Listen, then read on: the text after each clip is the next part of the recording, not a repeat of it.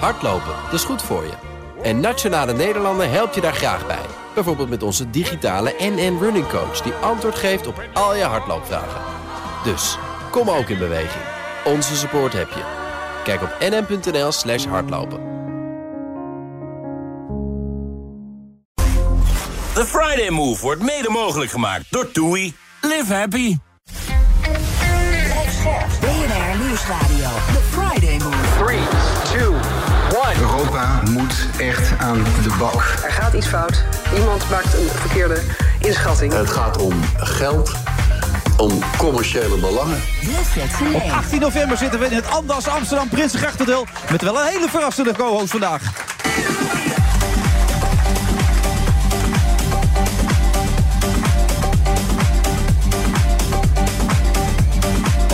Week zagen we hem ook. He was not amused, om het maar zo uit te drukken. En hij gaf ook aan, de eerste komende tijd ga ik nergens meer zitten. Ik blijf thuis, ik kom echt niet meer onder de mensen. Ik wil het niet meer doen. John van Heuvel, leuk dat je er bent. Ja, nou gezellig toch? Ja, Ja. wat is er gebeurd? Nou ja, als ik een uitnodiging van jou krijg, dan kan ik die natuurlijk niet weerstaan. Oké. In dit fort.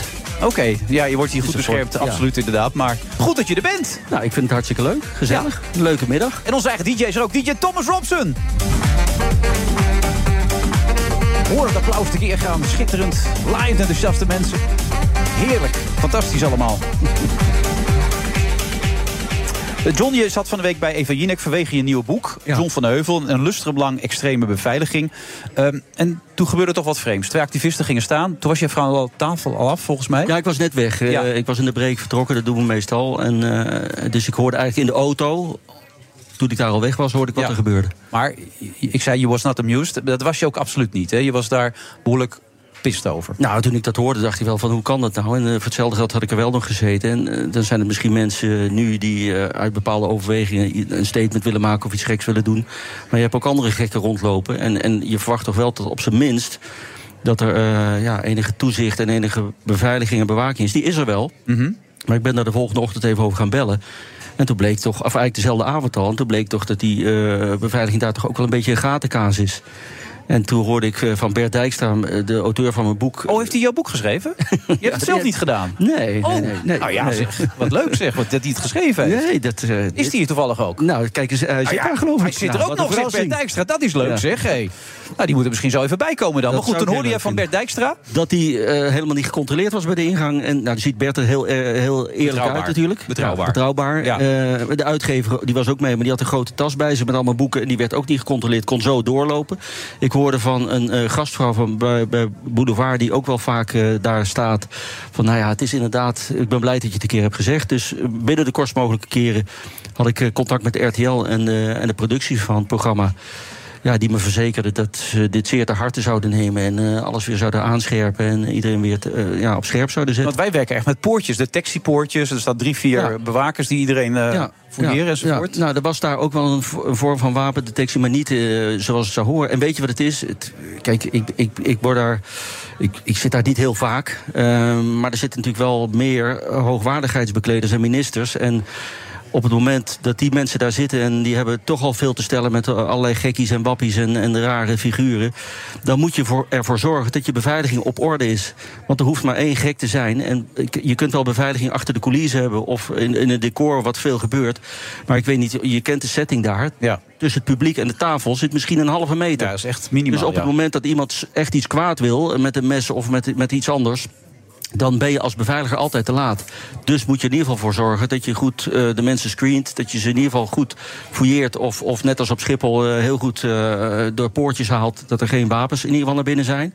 En dat is iets wat ik probeerde te zeggen. En ver- verder, er stond ergens dat ik nu alle talkshows zou Ja. boycotten. Je komt nergens meer, zegt Ik kom nergens meer. Nee. Nou ja, dat is natuurlijk als, als me- mensen gewoon een beveiliging op orde hebben, dan, dan kom ik graag en dan vind Ja, ik het leuk. maar het is ook zo- dat het net als jij in die uitzending zit ook nog eens gebeurt. Dat maakt het natuurlijk helemaal wrang. Ook voor RTL lijkt mij, toch? ja, man die zo RTL, RTL, was wordt. ook, RTL was ook not amused eh, Ja. natuurlijk. Ja. Want jou, jouw beveiligers kunnen dan ook niks doen natuurlijk op zo'n moment, toch? Omdat, Je, je, bent altijd, je bent altijd te laat. ja, Eh, kijk, op het moment dat mensen gaan opstaan en, en iets willen gaan doen...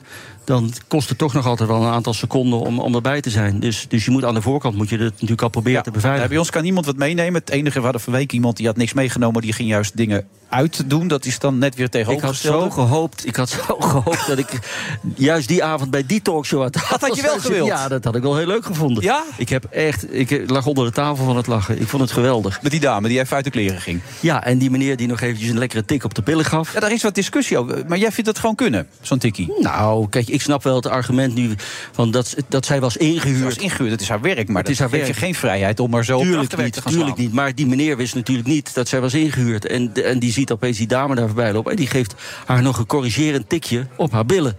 Nou ja, moeten we daar nou van ondersteboven? Ik heb eh, zelfs gehoord dat jullie haar, of dat die met jullie Hij is een sta- stadion eh, of een studioverbod hebben geen studioverbod. Oh, maar- gelukkig. Nee, zover ging het niet. Maar het was wel een corrigerend eh, actietje van onze floormanager André... Ja. die je natuurlijk Ja, ook ja, kent. ja, Want ja. Dat is natuurlijk wel zo. Je, het is nog steeds niet een vrijbrief dat je zo aan, aan de dame mag gaan zitten. Dat, lijkt mij. Dat, dat zeker niet, maar het was volgens mij een heel subtiel aaitje. En ik, eh, ja, ik moest er wel om lachen. Ja, trouwens, in dit boek, eh, Ja. wat over jouw beveiliging gaat... ik zag dat het ook een keer bij Boulevard al was gebeurd... dat een nogal verdwaasde, eh, verwarde vrouw... anderhalf uur had rondgezworven daar met een hondje onder de arm... op zoek naar jou. Ja, ja, op het Mediapark. En, en daarom reageer ik daar misschien wat, wat getriggerd op.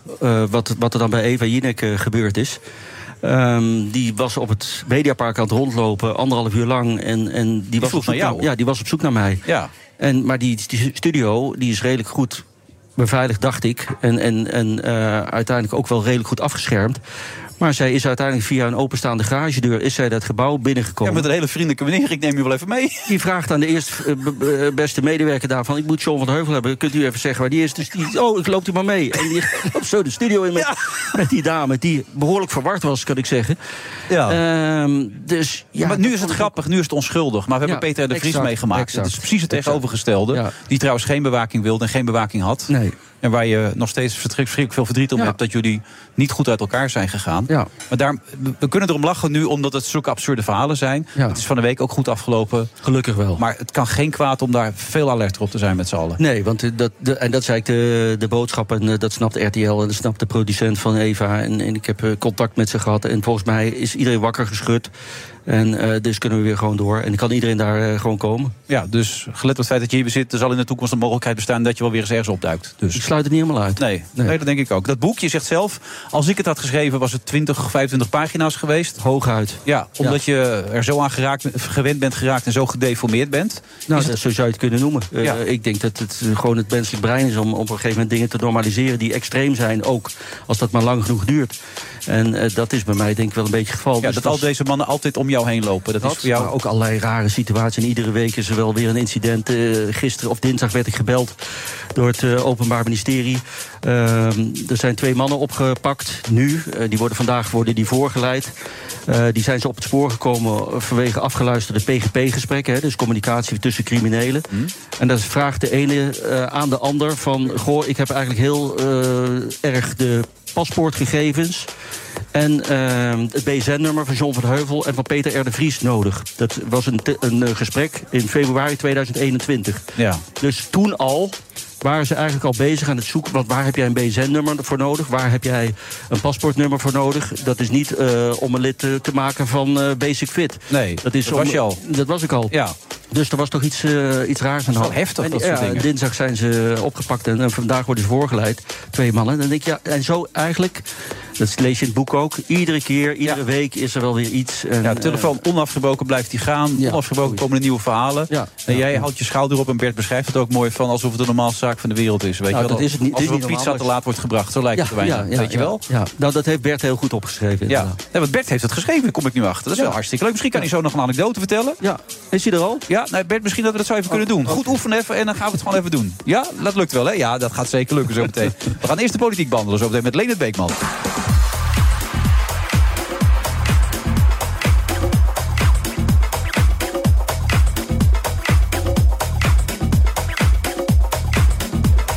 Move vrijdag 18 november. Eh, maar John, dit heeft dus ook alles weer te maken met de aanslag op Peter R. de Vries, neem ik aan dan ook. En toch ook weer... Nou, wat het OM zegt, we hebben dus niet kunnen vaststellen... eh, dat eh, deze mensen, of kunnen bewijzen dat deze mensen iets... in de richting van een aanslag eh, aan het voorbereiden waren. Ze worden nu verdacht van drugshandel, wapenhandel. En, Maar ze zijn niet bij de aanslag van Peter betrokken. Nee, ze. nee, nee, dat moet ik er wel heel duidelijk bij zeggen. Oké, omdat je dat zou gaan denken, omdat ze er toen al mee bezig leken te zijn. Maar Ja. het is dus toch twee Ja. verschillende zaken. Nou ja, nee, ze- het OM kan niet aantonen dat zij bij die plannen betrokken waren. Dat wil niet zeggen dat het zo is. Nee. Of dat het Nee, niet net als is. met die man die achter jou aanreed de hele tijd. Daar konden ze Ja. het ook niet hard bij maken. Nee. Maar Nee. ook daar had jij wel een gevoel bij. Die klopt natuurlijk helemaal niet. Nee, maar dat gevoel heb ik best wel eh, regelmatig, moet ik zeggen. Maar goed, eh, de- de- we leven in een eh, rechtsstaat... dus je moet dingen ook wettig en overtuigend kunnen bewijzen. En Ja. Dat is wel eens lastig. Wat vind je van het huidige kabinet? Ik ben erg gecharmeerd van onze huidige minister van Justitie. Heeft jouw eerste boek in ontvangst genomen Ja, vorige zeker, week ook? zeker. En dat heb ik ook met reden gedaan. Omdat ik haar, nou, op, op- de manier waarop zij erin staat... en dat bedoel ik met name misdaadbestrijding... eh, dat heb ik eigenlijk nog met weinig andere ministers van justitie gezien, justitie gezien. En dus in die zin denk ik dat ze wel op dit moment eh, de goede vrouw op de goede plaats is. Eh, we hebben een andere minister van Justitie nog, Frank Weerwind. Die probeert het wel, maar die krijgt volgens mij binnen zijn eigen achterban eh, van D66 de handen niet op elkaar voor allerlei dingen die hij eh, graag zou willen. Dus daar, daar gaat het wat minder mee. Maar eh Jezilkus doet het goed. Ja, misschien wel een nieuwe minister-president. Wie zal het zeggen? Ik zou me niks verbazen. Nee, hè? Nee. Ze wil daar niks over zeggen. Ze was laatst ook weer te gast bij Vandaag in Zuid. Ja. Maar Ja. ze is nu blij met de mooiste baan die ze heeft in de hele wereld. Ja, en die heb jij ook, die baan, die de mooiste baan, Leendert Beekman. Politiek volgen. En eh, Ja. ze, had een eh, motie, ze heeft een motie van wantrouwen aan haar broek van Forum voor Democratie. Ach. Wonderlijke was. Hele debat zijn ze bijna, moet ik er even bij zeggen, want ze pakken iedereen op de woorden. Ja. Bijna zijn ze er niet bij geweest, alleen bij de eigen bijdrage. Ja. De hele middag niet in het parlement. En dan bij de de tweede termijn moties indienen, een eh, motie van wantrouwen indienen. Op basis Gaat uiteraard van? niet halen. Ja. dat was dus de vraag. U bent hier de hele dag niet. Zei, ja, ik heb belangrijkere dingen gedaan. Nuttigere dingen, zei hij. eh. Ja, En ik heb alles wel op televisieschermen gevolgd. Ja. Eh, maar ja, motie van wantrouwen ingediend. Gaat Maar op basis Ja, waar, waar- waarvoor? Ja, eh, een verschrikkelijke minister van Justitie. Eh, ja. dat is politiek sterk dit. Eh, ze, ehm, eh, eigenlijk omdat ze toen bij die HJ schoollezing had ze zich uitgesproken tegen partijen zoals Forum voor Democratie. Ja. Hè, de ontwrichten de rechtsstaat. Ja. Eh, en, en we moeten daar tegen in verweer komen. Nou, en ze zeggen, u bent, geen, eh, u bent geen goede minister van Justitie, dus we willen u weg hebben. Ja. Oké. Nou, schouder ophalen. De Ja, deze ook hoor. Ja, Ze reageerden daar heel, eh, eigenlijk heel uh, sportief. Ze houden Ja. echt letterlijk. Het is bijna een aanbeveling, hè? Als je voor, voor de democratie zo'n Ja. motie om je oren krijgt, denk ik. Dat zou je ook kunnen zeggen. Maar het is een van de weinige eh, succesvolle VVD'ers natuurlijk op dit moment ook, toch? Jesse Guls, als je het zo bekijkt. Of zit je nou, Christiane van der Wal is ook goed En je bezig. weet wat ik eh, zeg van... eh, Jij bent fan, hè? Nou ja, fan. Het is, Jawel. in ieder geval, het is in ieder geval een minister. Eh, ze houdt voet bij stuk. En de VVD wordt visie verweten. Nou ja, en je kan veel van, eh, van Van der Wal zeggen. Maar ze heeft wel een vorm van visie. Ik heb het ooit aan haar gevraagd, is dit visie of is het noodzaak? hè, Dat stikstofbeleid. Zij zei, nou, een beetje van beide. Maar ze houdt voet bij stuk. Morgen ook weer bij het VVD-congres komen er een paar Ik voelde het bruggetje aan. Heel goed, ja. een eh, paar moties worden ingediend rondom stikstof. En de JOVD gaat een prominente rol spelen. Eh, zowel bij de spreidingswet als later nog hebben ze nog iets over het eh, energieplafond. Ze zeggen daar moet wel dekking voor komen. Maar ze zeggen ook heel duidelijk, ik heb net eventjes gebeld met de voorzitter van de JOVD. Eh, ze zeggen van ja, we willen van Rutte willen we visie zien. Want anders is het namelijk niet de partijleider, de lijsttrekker bij, een mogelijk, bij de volgende Maar verkiezingen. het is een contradiction in terminis. Rutte en een visie, dat gaat niet. Weet de enige visie van Rutte is televisie, volgens mij. Ja, volgens mij ook. Ja, er is nog nooit enige visie geweest, toch, bij Rutte? Nee, maar ik moet zeggen, er wordt ook wel erg veel op het bord van die man eh, gelegd natuurlijk. Eh, en, en je moet ook, je ook altijd realiseren eh, dat je kan hem wel vervangen, maar wie is, wie, wie is dan een geloofwaardig alternatief? Ga, ga alsjeblieft niet aankomen met een, een Wopke Hoekstra of een Ja, binnen de VVD is een, hè, Sophie Hermans. Maar is dat dan een. eh, Ja, is nou, we dat noemen dan- net de naam. Ja, kan- is dat een, Ja. eh, een alternatief voor, eh, voor Rutte? Ja. Nou, dan hebben we Dylan Jezus. Je, je kan het heel goed uitspreken, hè, Wilfred? Jezus is het Ja. toch? Maar ik kan het niet zo goed inderdaad. Nee, ga door. Nee, nee, ik, bedoel, ik dacht dat jij het wel heel goed Nee, nee, maar, nee. Ik eh, ben niet. Turks. eh, Ik heb geen Turkse vrouw, ik heb een Iraanse vrouw. Dus dat vind ik al, ook al heel ingewikkeld. Ja. Ja, je kent het toevallig, ja, ja. Ja, van een wal zou je dan nog kunnen noemen. Maar ja, de, de fractie van de VVD is ook nog heel jong. Dus de echte opvolgers staan er nog niet klaar. Nee. Dus je moet nooit eh, oude schoenen weggooien natuurlijk, hè? Toch? Nee. Je kunt wel zeggen, van, we nemen afscheid van Rutte... maar ik denk dat we nog veel, veel, veel verder van huis zijn. Als je ziet, toch ook weer bij rond die G20... de man is natuurlijk wel, heeft wel een bepaalde statuur, ook in Europa, in de wereld. Ja, Wijsglas eh, twitterde daar nog over. Wijsglas zei, eh, in de wereld Als, eh, als leider van Nederland heeft hij echt status. Alleen in Nederland brokkelt dat af. En INO Research heeft net eh, een, een peiling gepubliceerd. VVD ver- verliest 12 zetels in de peiling. D66 ook. En de gezamenlijke fractie van Partij van de, Ar- of, eh, Partij van de Arbeid en GroenLinks... zou dan nu de grootste partij zijn volgens die En peiling. PVV is toch de grootste partij eh, in de peilingen? Maar niet in, eh, en niet, niet in eh, INO Research. Oké, Maurice de de Hond wel, ja. is Ja, dan de Pieter. Pieter Omzicht daar nog in meegenomen in zo'n peiling? Ja, maar ik heb het echt net gelezen. Dus ik heb niet alles op Oh, een rijtje oké. staan. Maar Ja, dit was... maar dat is dit toch weer matig, dat je je niet goed voorbereidt voor zo'n programma als dit. Want je weet dat dit soort vragen Ja, ja, krijgen ja. ja, je moet scherp zijn, hè. Ja, ja, ja. Maar Leendert, even over het congres morgen. Ik las ergens dat ze zeiden, dan valt dat kabinet maar. Ja, dat is bij... eh, je hebt klassiek liberaal, staan Mhm. nu tegenover JOVD. eh, JOVD. En het, echt het pijnpunt morgen is die spreidingswet. Of de dwangwet. Ligt Ja. eraan met wie je spreekt. Klassiek liberaal zegt... De dwangwet moet van tafel Ja, af. gemeentes Zij kunnen ook, gedwongen worden om eh, asielzoekers en... Als ja. we dit door ons strot geduwd krijgen, om het even plat te zeggen... Hè, door partijen als D66... laten we dan maar gewoon uit het kabinet stappen. Nou, JOVD zegt, we horen als echte liberalen... horen we mensen op te vangen en ook huisvesting te bieden. Het kan niet zo zijn dat asielzoekers in een land als Nederland... Op letterlijk op straat liggen te slaan. Eh, en dat zijn twee geluiden. Beide moties hebben veel ondertekenaars, bijna 200. Dus morgen op het partijcongres gaan we zien wat er gaat gebeuren. Bij het vorige partijcongres zagen we natuurlijk dat toch de wat conservatieve achterban. eh, het eh, stikstofbeleid wegstemde, of in ieder geval afkeurde. Ik vroeg vandaag ook nog, hoe kon dat eigenlijk gebeuren? Hebben jullie dan niet genoeg achterban? Maar Goeie zei, vraag, hoor. Ja, Ja, echt goede het- vraag. het- hij, zei, maar dat is wel leuk. hij zei, het duurde zo lang, dat hele congres, dat er al een deel stond te borrelen. En hij gaf dat als reden dat toen dat stikstof, die stikstofmotie aangenomen was. Dus het is morgen Wat aan... serieus genomen, hè, die stikstof. Ja, Jongens. precies, ja. ja, nou ja, gelukkig wel de Hugo de Jonge. Want die zegt dat er op Binnenhof gewoon gebouwd kan worden, toch? Nou, Hugo was zegt, ook kan allemaal. berichtje. Wij gaan gewoon door, wat er Nou, ook hij gebeurt. vandaag na het einde van de ministerraad toch wel toegegeven dat het wel Oh. misschien lastig kan gaan worden met Oh, het ja? Binnenhof. Want het verhaal is ook onze eigen overheid en zelfs de Tweede Kamer moet zich aan de stikstofregels houden. Oh dus voor de verbouwing van het Binnenhof moeten vergunningen aangevraagd worden. Nou, nog niet voor alle delen van het Binnenhof zijn die vergunningen aangevraagd. En nu is er vanuit Johan Vollenbroek Ach, daar heb je hem weer. ja, Heel goed. is ja. er een handhavingsverzoek richting de provincie Zuid-Holland gegaan. En er zou gehandhaafd moeten worden, want die bouwvrijstelling waar rekening mee gehouden was, die is van tafel af. Dus delen van het Binnenhof, onder andere de nieuwe entree, ja, kunnen misschien. Maar in ieder geval eh, nu niet gebouwd worden en zullen waarschijnlijk vertraagd worden. En zelfs, eh, Wilfred, eh, Hugo de Jonge geeft nu toe? Nee. dit kan een tegenslag kan dit zijn. 900.000 woningen. Ja. Ze gaan er komen voor 2030, toch? Ja, onder andere voor eh, ja, de immigra- of migranten die, Ja. die naar Nederland komen. En ja, dat, dat spreidingsvraagstuk, er zijn ook veel moties over eh, bij het VVD-congres. Hoe ga je dat uiteindelijk oplossen? En hoe ga je migratie aanpakken? Ja, dat Maar is een goed, al met al is, is dit land toch op zo'n manier onbestuurbaar geworden. Dit, dit is, Op alle vlakken is het, eh, liggen er toch hoofdpijndossiers. En, en, Wie zijn eh, schuld is dat dan? Ja, Nou, wie zit, nou, ieder volk verdient, krijgt de regering die het verdient. Dus ik denk dat, eh, dat het niet alleen Maar is het wij als- aan politici aan te rekenen is. Zou ik net zeggen, zijn wij als stuurlijn misschien ook niet een beetje te kritisch? Is het misschien ook wel Nou, dat moeilijk in vind een ik tijd wel. als deze? Dat, dat vind ik wel. En dat meen ik oprecht. Dat je soms, eh, als, we, als je ziet hoe wij, en dat bedoel ik de media, maar ook het, het, het volk, eh, onze bestuurders soms bejegenen. Met heel veel agressie, eh, met name, met bedreigingen, et Mhm. Ja, cetera. Jij, jij was niet erg enthousiast net over Wopke, had ik de indruk. Nee, maar dat is wat anders dan dat, je me bedreigt of dat je me echt met de Maar grond wat vind je gelijk van maakt. Wopke dan? Nou, ik vind hem onoprecht. En eh, ik vind eh, iedere keer eh, vind ik het eigenlijk een beetje, als ik hem zie, vind ik, hem, vind ik het een toneelspel wat hij, wat hij doet. Wat hij, wat, en, en inhoudelijk zit het best bij elkaar, best goed in elkaar. De man is wel bespraakt.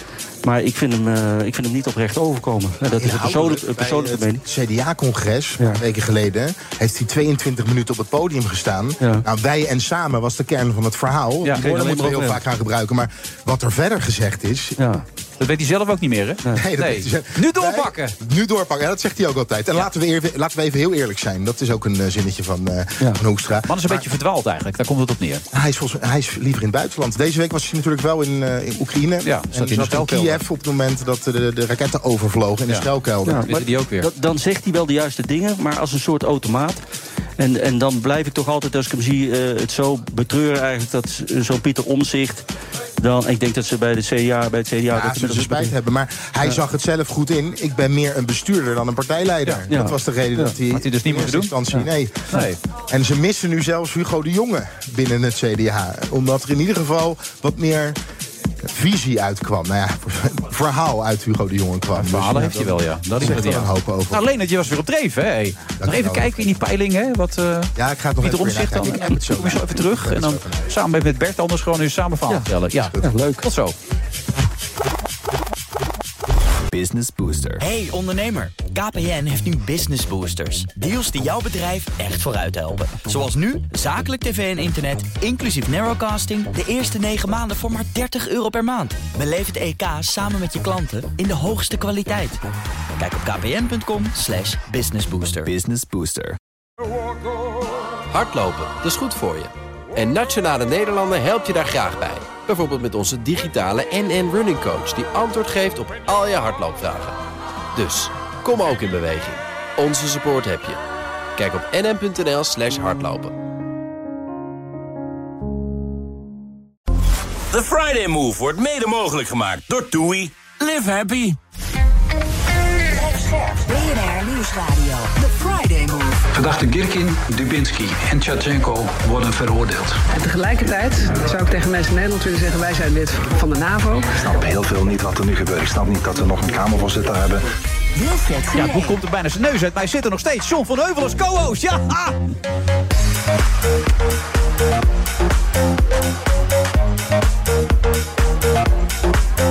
En we zitten vandaag, eh, ik zou bijna willen zeggen, eh, als gewoonlijk in Amsterdam. Maar het is niet helemaal waar. We proberen natuurlijk ook wel ergens anders te zitten. Mocht je een keer op locatie leuk vinden dat wij langskomen... meld je dan vooral aan. Zeker bij onze producer eh, Paul van der Linden. Die is daar zo ontzettend goed in. Maar vandaag zitten we in het Andas Amsterdam, Prinsengracht in Amsterdam. En volgens mij kun je daar eventueel, als je zou willen langskomen... Ik, ik maak net die grap over het boek, maar je hebt er wel heel veel over lopen vertellen, hè? Toch, inmiddels? Eh, oh, in, eh, in eh, de media boek. bedoel je? Ja, in de media. Ja, Ik zeker. bedoel, je hebt je zeker. gehad.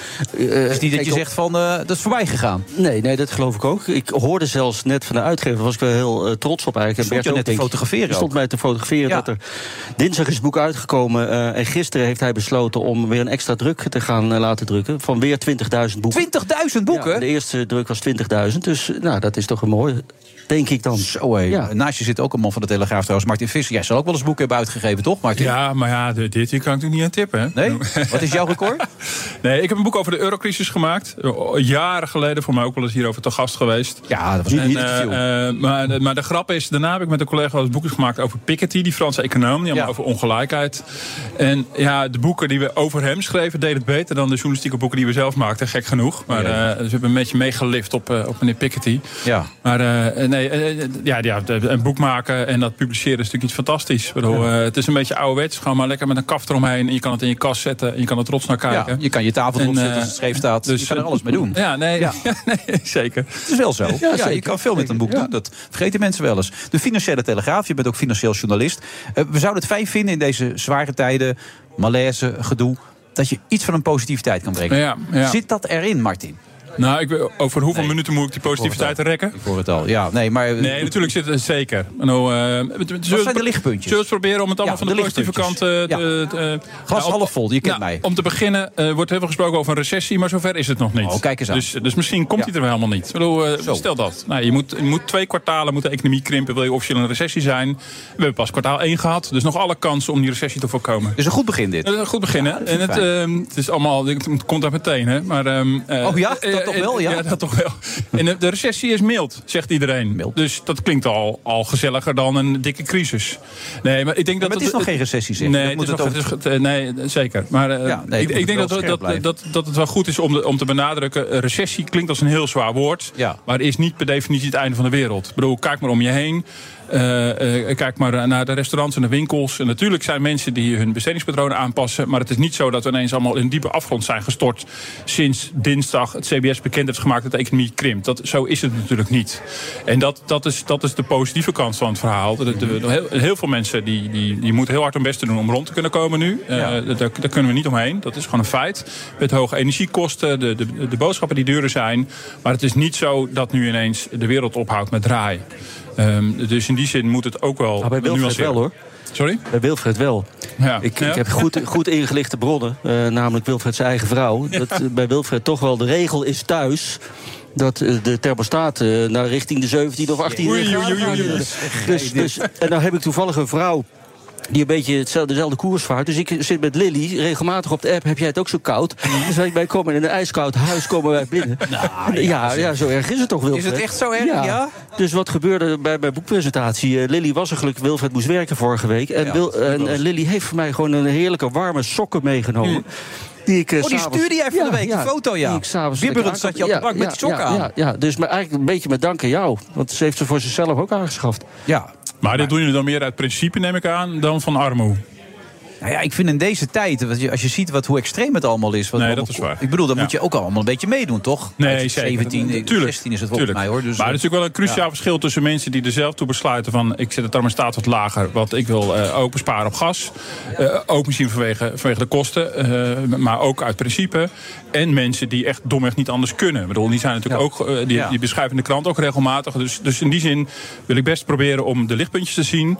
Eh, maar ik kijk ook altijd een beetje vooruit om daar dan een beetje overheen te walsen. Want er zijn gewoon helaas heel veel mensen die niet Precies. kunnen eten, die, die eh, op Dus allerlei er manieren eh, hulp moeten Dus hebben dat is, via twee, voedselbanken dat, en dat is twee kanten van het verhaal. Een ander lichtpuntje is overigens eh, wat er gebeurt met, de- met de werkgelegenheid en met, met de banen. Bij een normale recessie denk je al meteen aan eh, jaren 80, massawerkeloosheid. Nou, daar zijn we nog belangen na niet als we er überhaupt al gaan komen. Er zijn heel moet- veel vacatures die niet ingevuld kunnen worden. ook, hè? Exact. Kijk, het, het, het, het positieve is als de economie een beetje afkoelt, dan gaat die extreme krapte er vanaf. Dat zullen Ja. ondernemers merken dat ze iets makkelijker aan personeel kunnen gaan komen. Het is nog steeds een hele krappe arbeidsmarkt. Dus dat zou ook een lichtpuntje kunnen zijn. En de inflatie dan? Ja. Oké, nu gaan we zware tijden. Oké. Ja, nee, ik bedoel, dat, dat vind ik in die zin een lastig verhaal. Je gaat ongetwijfeld zien dat ergens in de komende eh, maanden of in de komende kwartalen op een gegeven moment de inflatie gaat dalen. En dan denk je, nou, dat is goed nieuws. Maar zolang als de inflatie boven de nul is, en inflatie is niets anders dan een prijsstijging. Dus dat betekent dat als de inflatie boven nul is, dan blijft de prijs nog steeds stijgen. Dus ja, er wordt wel vanuit gegaan dat we langdurig met deze hele hoge prijzen te maken zullen krijgen. Alleen dat er niet per se elke maand weer een enorme schep bovenop komt. Maar hoe lang praten we over dan? Langdurig? Wat Nou denk ja, je aan dan? eh, ja, daar, daar lopen eerlijk gezegd eh, de, de analyses echt extreem uiteen. Maar jij weet dat. Ik weet, ja, ik weet daarvoor dat. zit je hier nee, ook. zeker. Ja. Met, eh, zeker. Ik hoor net, ik moet heel goed voorbereid zijn. Dus ik heb mijn glazen bol nog snel even tevoorschijn pa- gepakt. En eh, nee, kijk, de, de, de, de hoop en de verwachting is dat die extreme stijging in de energieprijzen... dat het ergens volgend jaar een keer ophoudt. Maar dat betekent wel dat je langdurig hoge energieprijzen Nou, blijft dat houden. gebeurt, gebeurt nu toch al? De gasprijzen enorm aan het Ja, dalen zijn. maar hij stijgt ook weer een beetje als, als er dan weer een slecht weer wordt voorspeld... of kouder weer wordt voorspeld. Dus het gaat nu een beetje als een yo-yo op en neer. Eh, Ja, maar je zegt de stijging neemt niet toe. Maar dat wil niet zeggen dat de prijzen zijn toch al extreem Ja, hoog? precies. Dus dat wil niet zeggen dat het omlaag gaat. Nee, exact. Nou ja, dat, het zou ook kunnen dat op een gegeven moment... Je ziet nu de benzineprijs iets dalen. Olie kan op een gegeven moment goedkoper worden. Dus je zult, zult zien dat Dus je bepaalde kan een beetje je grondstoffen... elektrische auto er weer uitgooien nu. Ja, eh, nou ja, ik denk dat je op die manier de klimaatdoelstelling ook met, met elkaar niet haalt. Kijk, dat is allemaal heel korte termijn geredeneerd. Van eh, gooi de elektrische auto er weer uit. Maar ja, de, de, de, die, die extreem hoge prijzen die zullen, zullen aanhouden, is, is de verwachting. Maar het is, kijk, nu de afgelopen eh, maanden hebben we gezien dat het iedere maand kwam er heel veel bovenop. Nou, dat houdt ook ergens een keer op. Ja. Maar de vraag is, hoe lang blijf je dan op het hele hoge niveau hangen? ja, maar daarvoor ben je hier, zeg ik Ja, net. Maar ja. daar kun je dus nog niet helemaal iets over zeggen. Kijk, eh, nee, ja, ik, ik, kan, ook- ik kan ook zeggen dat eh, grofweg, er zijn, er zijn twee opties. Ik Oké, eh, en die dat- noteren we dat- dan even. ik hier ga je niet voor schrikken. Of het gaat heel lang duren of het gaat heel kort duren. Lang duren. Kijk, je hebt, je hebt, er is een, er is een touwtje en er wordt naar twee kanten aangetrokken. Aan de ene kant eh, zijn het centrale bankiers die de rente verhogen. Als zij daar succesvol in zijn en dat blijven doen en blijven doen en blijven doen... dan duw je op den duur met heel veel vertraging de inflatie omlaag. Maar aan de andere kant van het touwtje zijn alle overheden. Die denken, onze arme kiezers, die krijgen heel veel voor de kiezen. Ja. Dus die zitten, zoals het Nederlands kabinet doet, de Duitse regering doet, alle landen dat doen, enorm te compenseren. Dus die zitten enorm eh, iedereen voor de koopkracht te compenseren, begrijpelijk. Maar daarmee jagen ze natuurlijk ook alweer de besteding van de economie aan. Dus die duwen de inflatie weer omhoog. En hoe die krachtsinspanning tussen die twee gaat uitpakken, eh, dat weet niemand nog. En dan hebben we nog niet gehad over het feit dat uiteindelijk alles bepalend is. Alle geopolitieke spanning rondom Oekraïne en Ja. wat dat doet voor de, voor de gasprijzen. Ja, en daar kunnen we niks over zeggen. Nee, dat is, dat is, eh, dat is Maar de Pieter Koblenz van de week, hè? die heeft in het gaatje gekeken om koekoek te laten horen. Maar de- ja, die zei ook van ze moeten nu echt gaan praten, want Ja. dit, dit is niet vol te houden. Nee, maar je zag ook van de- honderdduizend Ja, maar doden. dat, dat, dat, vind ik, dat hoorde ik hem zeggen. Maar er wordt nu heel erg gepusht op Oekraïne van ga, ga alsjeblieft praten. Natuurlijk moet je, moet je uiteindelijk moet je aan tafel. Maar ik kan me heel goed voorstellen vanuit de zijde van de Oekraïne... dat ze denken, ja, maar er zijn nog steeds Russen op ons grondgebied. En waarover moeten we gaan praten? Ik vind dat ze heel makkelijk wordt... Wij worden met elkaar hier een beetje oorlogsmoe. Want daar komt het op neer. Ja, dat is het. Ja, dat, iedereen is Ja. een beetje zat. En die prijzen. En, en nu gaat iedereen ook de financiële pijn voelen. Dus moet Oekraïne maar gaan praten. Maar op het moment dat je dat gaat doen... en dus gaat onderhandelen... en dus Rusland tegemoet ga- moet gaan komen... want onderhandelen is natuurlijk toch ook geven en nemen... Nou, dan, dan, dan geef je toch eh, Rusland zijn zin. Ja. Nee, daar heb je ik- ook denk gelijk in. Die moet je vanavond even, eh, binnenkort eens een keer in gaan gooien natuurlijk in het leven. Nee, ik denk dat Oost-Europese landen en Baltische landen er ook heel anders over nadenken. Die denken, van, ja, Precies. eh, dit, dit, bedoel, praten betekent compromissen sluiten. Dan geef je me toch een stukje zijn zin. Welk stukje dat moet dan blijken? Ik kan me voorstellen dat je dat helemaal niet, ook als NAVO niet zou moeten willen. Ik, zit, ik, nee, ik weet niet zeker, maar misschien zit hij er vanavond, Pieter Kobelens. Maar dan ga ik het er even tegen, tegen Ja, zeggen. leuk. Want ik bedoel, Ja. Pieter die kan het wel roepen. Even, neem het mee. Even, ik zeg John van Heuvels even middag. hè, niet zo snel gaan praten, omdat het toevallig een beetje oorlogsmoes zijn. Staat hij er een beetje goed op eh, bij de Telegraaf? Heel Martin? goed, Ja? heel goed. Ja, nee, zeker. Het is een, eh, een van eh, onze iconen. Iconen? Ja. Zoals wij ja, Talpa-sterren hebben, hebben jullie iconen bij de Iconen, Telegraaf. ja, ja, en ik vind dat. Nou, ook nu weer. Hij legt het toch zo uit. Ik ben een, een leek op economisch gebied, maar Ja. hij legt het toch zo uit dat jij en ik het begrijpen. Op etensgebied gaan we straks ook nog over hebben, begrepen. Ja, Indonesië. Doen we later pas, Oh, ja. oh, Oké. Ja. oké. Nee, Ja. Dus ik ben blij. Iconen aan tafel hier bij ons. Wel bijzonder, Martin. Zeker, Je hebt het toch geprobeerd enigszins positief te maken. En ik merk aan de mensen hier ook, die gaan fijn weg. Nee, zeker. Je ziet al, die, al die glimlachen. Mensen zijn toch blij eh, Cor dat, ook. dat we er ook vrolijk het weekend in gaan. Klein pensioentje, maar die denkt, "Maar dit komt wel goed, hè? Pensioenwet hebben we niet eens over gehad. Doen we andere keer voor jou, Cor. Ach man, je zit er net in in die pensioen. Hoe oud ben je ook alweer? Hoe oud je ook alweer bent? 102, zegt hij. Nou, hartstikke goed. Dankjewel, Martin Visser. Graag gedaan.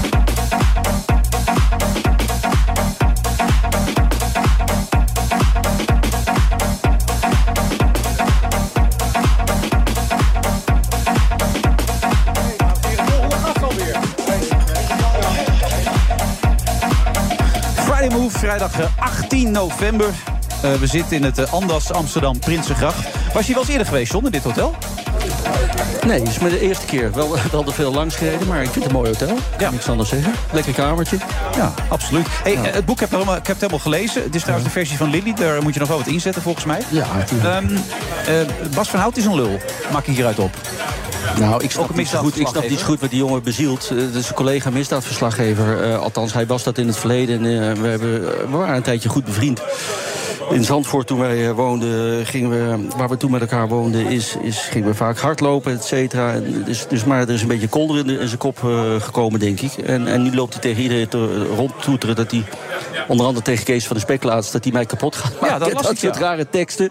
Ja. Eh, dus ik was verbaasd. Eh, maar ik hoorde ook altijd die mensen in mijn omgeving aan het benaderen is. En, en ik weet niet wat de man bezielt. Maar er is nooit iets voorgevallen tussen jullie. Ehm, ja, er is wel het een en ander voorgevallen. Eh, dat is, heeft denk ik onder andere te maken met een hele kritische column...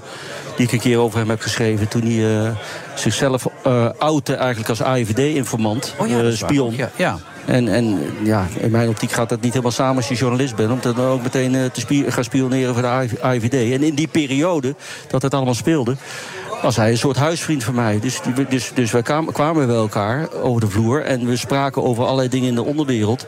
Ook, ook deelden we soms eh, informatie met elkaar.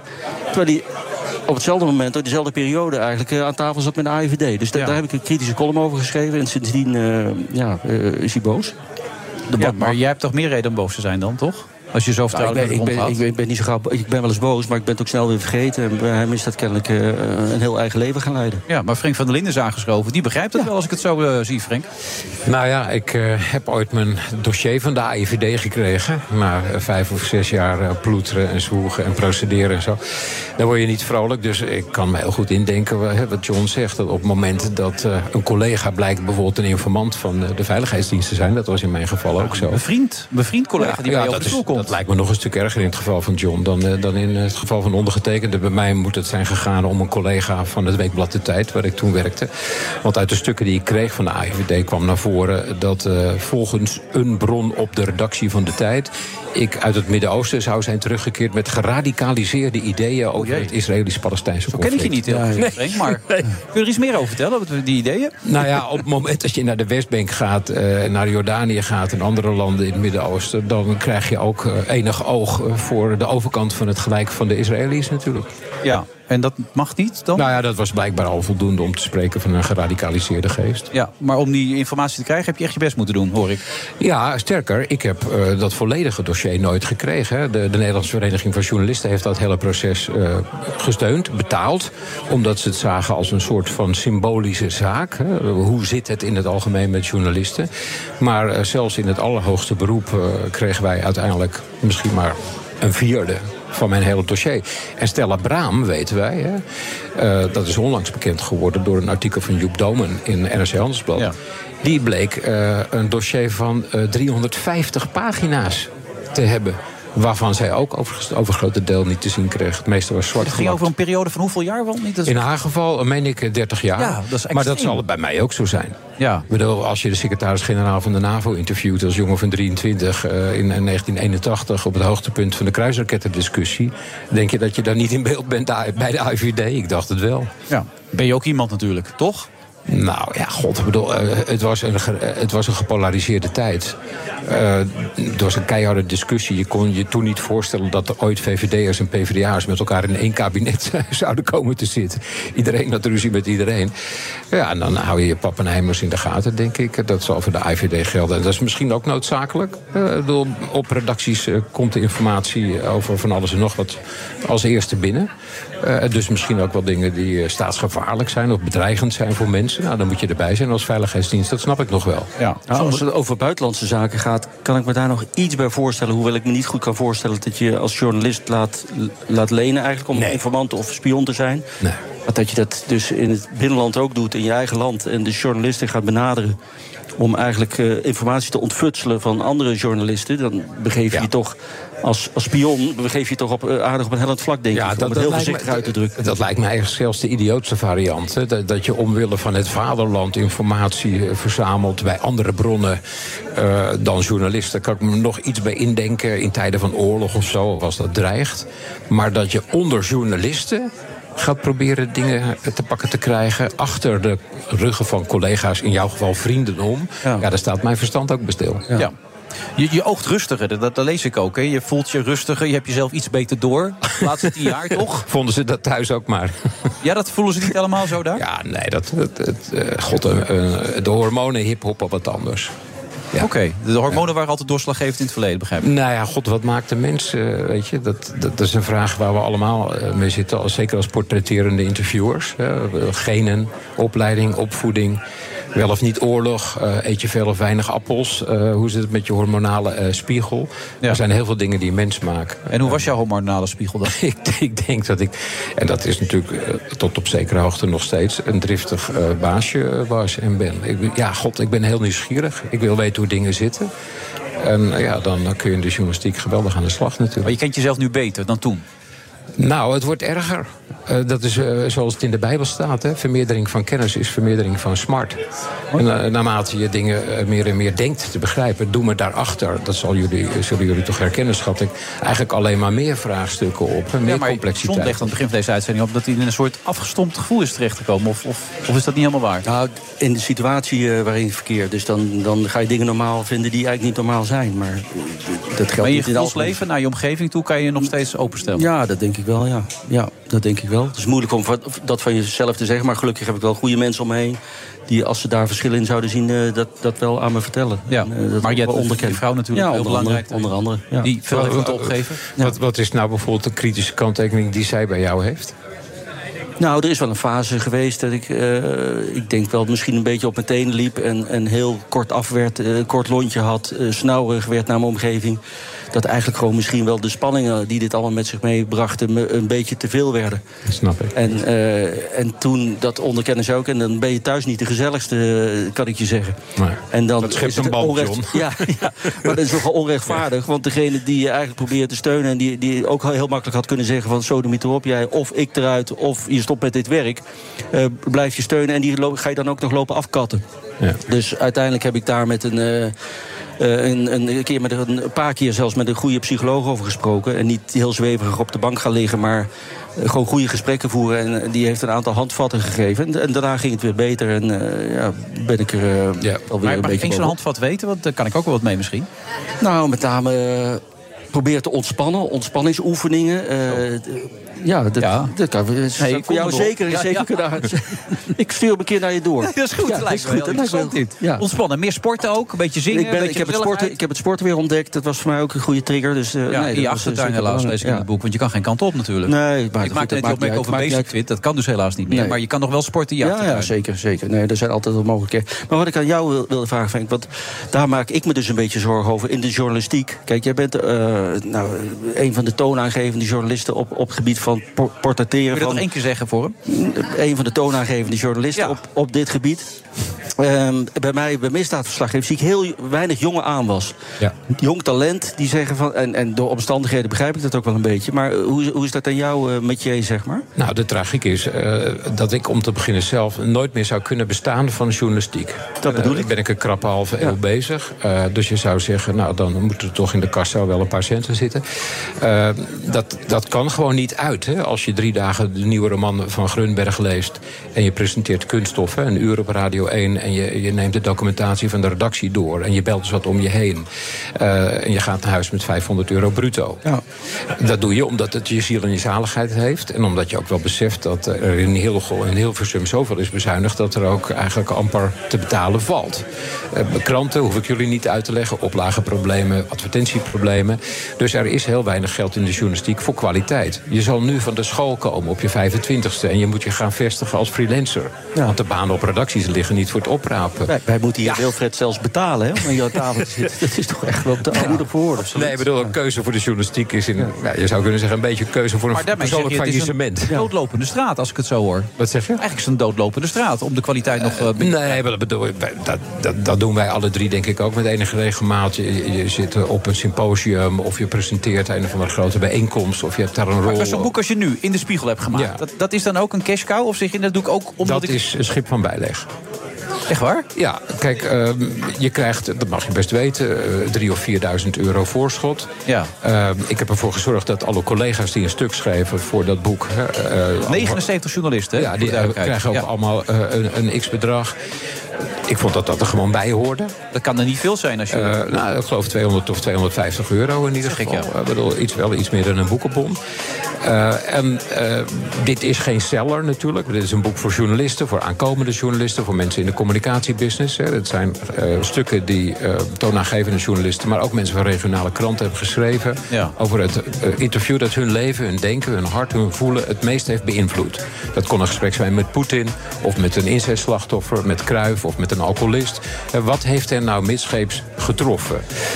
Nou ja, dat, dat is hartstikke fijn om te doen. Ik vind het ook nodig dat journalistiek transparant is. Zeker in, in een tijd waarin de journalistiek meer en meer wordt gewantrouwd. Hè. Laten, we, laten we maar in de keuken laten kijken. Maar je weet eh, dat je dat doet omdat je van dit vak houdt. Omdat je vindt dat het nodig is om eh, journalistiek inzichtelijk te maken. Maar hier gaan we nul aan verdienen natuurlijk. Ja, maar je zet wel even iets neer om te laten zien wat het tijdsbeeld is voor mensen, wat ze in hun carrière hebben. wa- wa- wat, wat, wat heeft Tim Hofman nou echt eh, geraakt? Behalve dan dat gesprek met John de Mol. Hoe was het om Poetin te interviewen? Ik was heel nieuwsgierig. Leonard Ornstein heeft dat gedaan voor Nova, de voorloper hè, Ja. eh, van Nieuwsuur. Ja, dat is allemaal heerlijk om te lezen achter de schermen. Ja, en grote namen, veel namen, 79, maar ook grote namen, dat is hartstikke leuk. Ja. En eh, die kan je wel weer in je kast zetten, toch? Eh, het, het, het hoort erbij. Het, het is altijd een rode draad geweest in mijn werk. Vanaf eh, de eerste eh, maanden in de journalistiek ook journalisten interviewen, reportages over kranten, over omroepen. Hoe werkt ons wereldje? Wat doen we goed? En wat hebben we te leren? Wat doen we fout? En wie is de beste van die 79, vind jij? Ik heb altijd een enorm voorbeeld willen nemen aan Paul Witteman. Die ik zowel als het gaat om persoonlijke portretten... Hè, Frans Zwartouw in dit geval beschrijft hij, die doodging, topman van Fokker... als in het geval van interviews echt tot de absolute top vindt behoren. En er zijn heel weinig interviewers die op al die verschillende terreinen... die hoogste ladder bereiken. Ja, waar sta je zelf? Ja, John zei al, wat, wat, wat, kun je over jezelf zeggen? Ik, ik denk dat er weinig interviewers zijn die en tv-documentaires maken... en radio doen, en schrijven, en een podcast. En, dus ik, ik hoop En, dat ik een en hele... zich zo goed voorbereiden. eh, huiswerk, En originele vragen stellen. huiswerk is altijd eh, heel belangrijk. Maar ja, ik hoop een brede interviewer te zijn... die op veel terreinen thuis is. Zou je er nog één kunnen zeggen wat je net zei? Eén van de... De, de toonaangevende journalisten van Nederland. Ja, Nou, als jij het zegt, John. ja. Frank van der Linden, dankjewel maar weer. Oké, man. Tot de volgende keer. Hoi.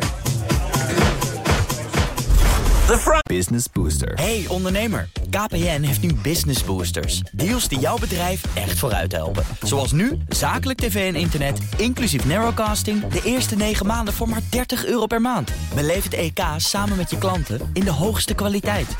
Kijk op kpn.com slash businessbooster. Business Booster. Hardlopen, dat is goed voor je. En Nationale Nederlanden helpt je daar graag bij. Bijvoorbeeld met onze digitale NN Running Coach... die antwoord geeft op al je hardloopvragen. Dus, kom ook in beweging. Onze support heb je. Kijk op nn.nl slash hardlopen. The Friday Move wordt mede mogelijk gemaakt door TUI. Live happy. BNR Nieuwsradio. The Friday Move. 3, 2, 1. Europa moet echt aan de bak. Er gaat iets fout. Iemand maakt een verkeerde inschatting. Het gaat om geld, om commerciële belangen. We worden wereldkampioen! Check this out.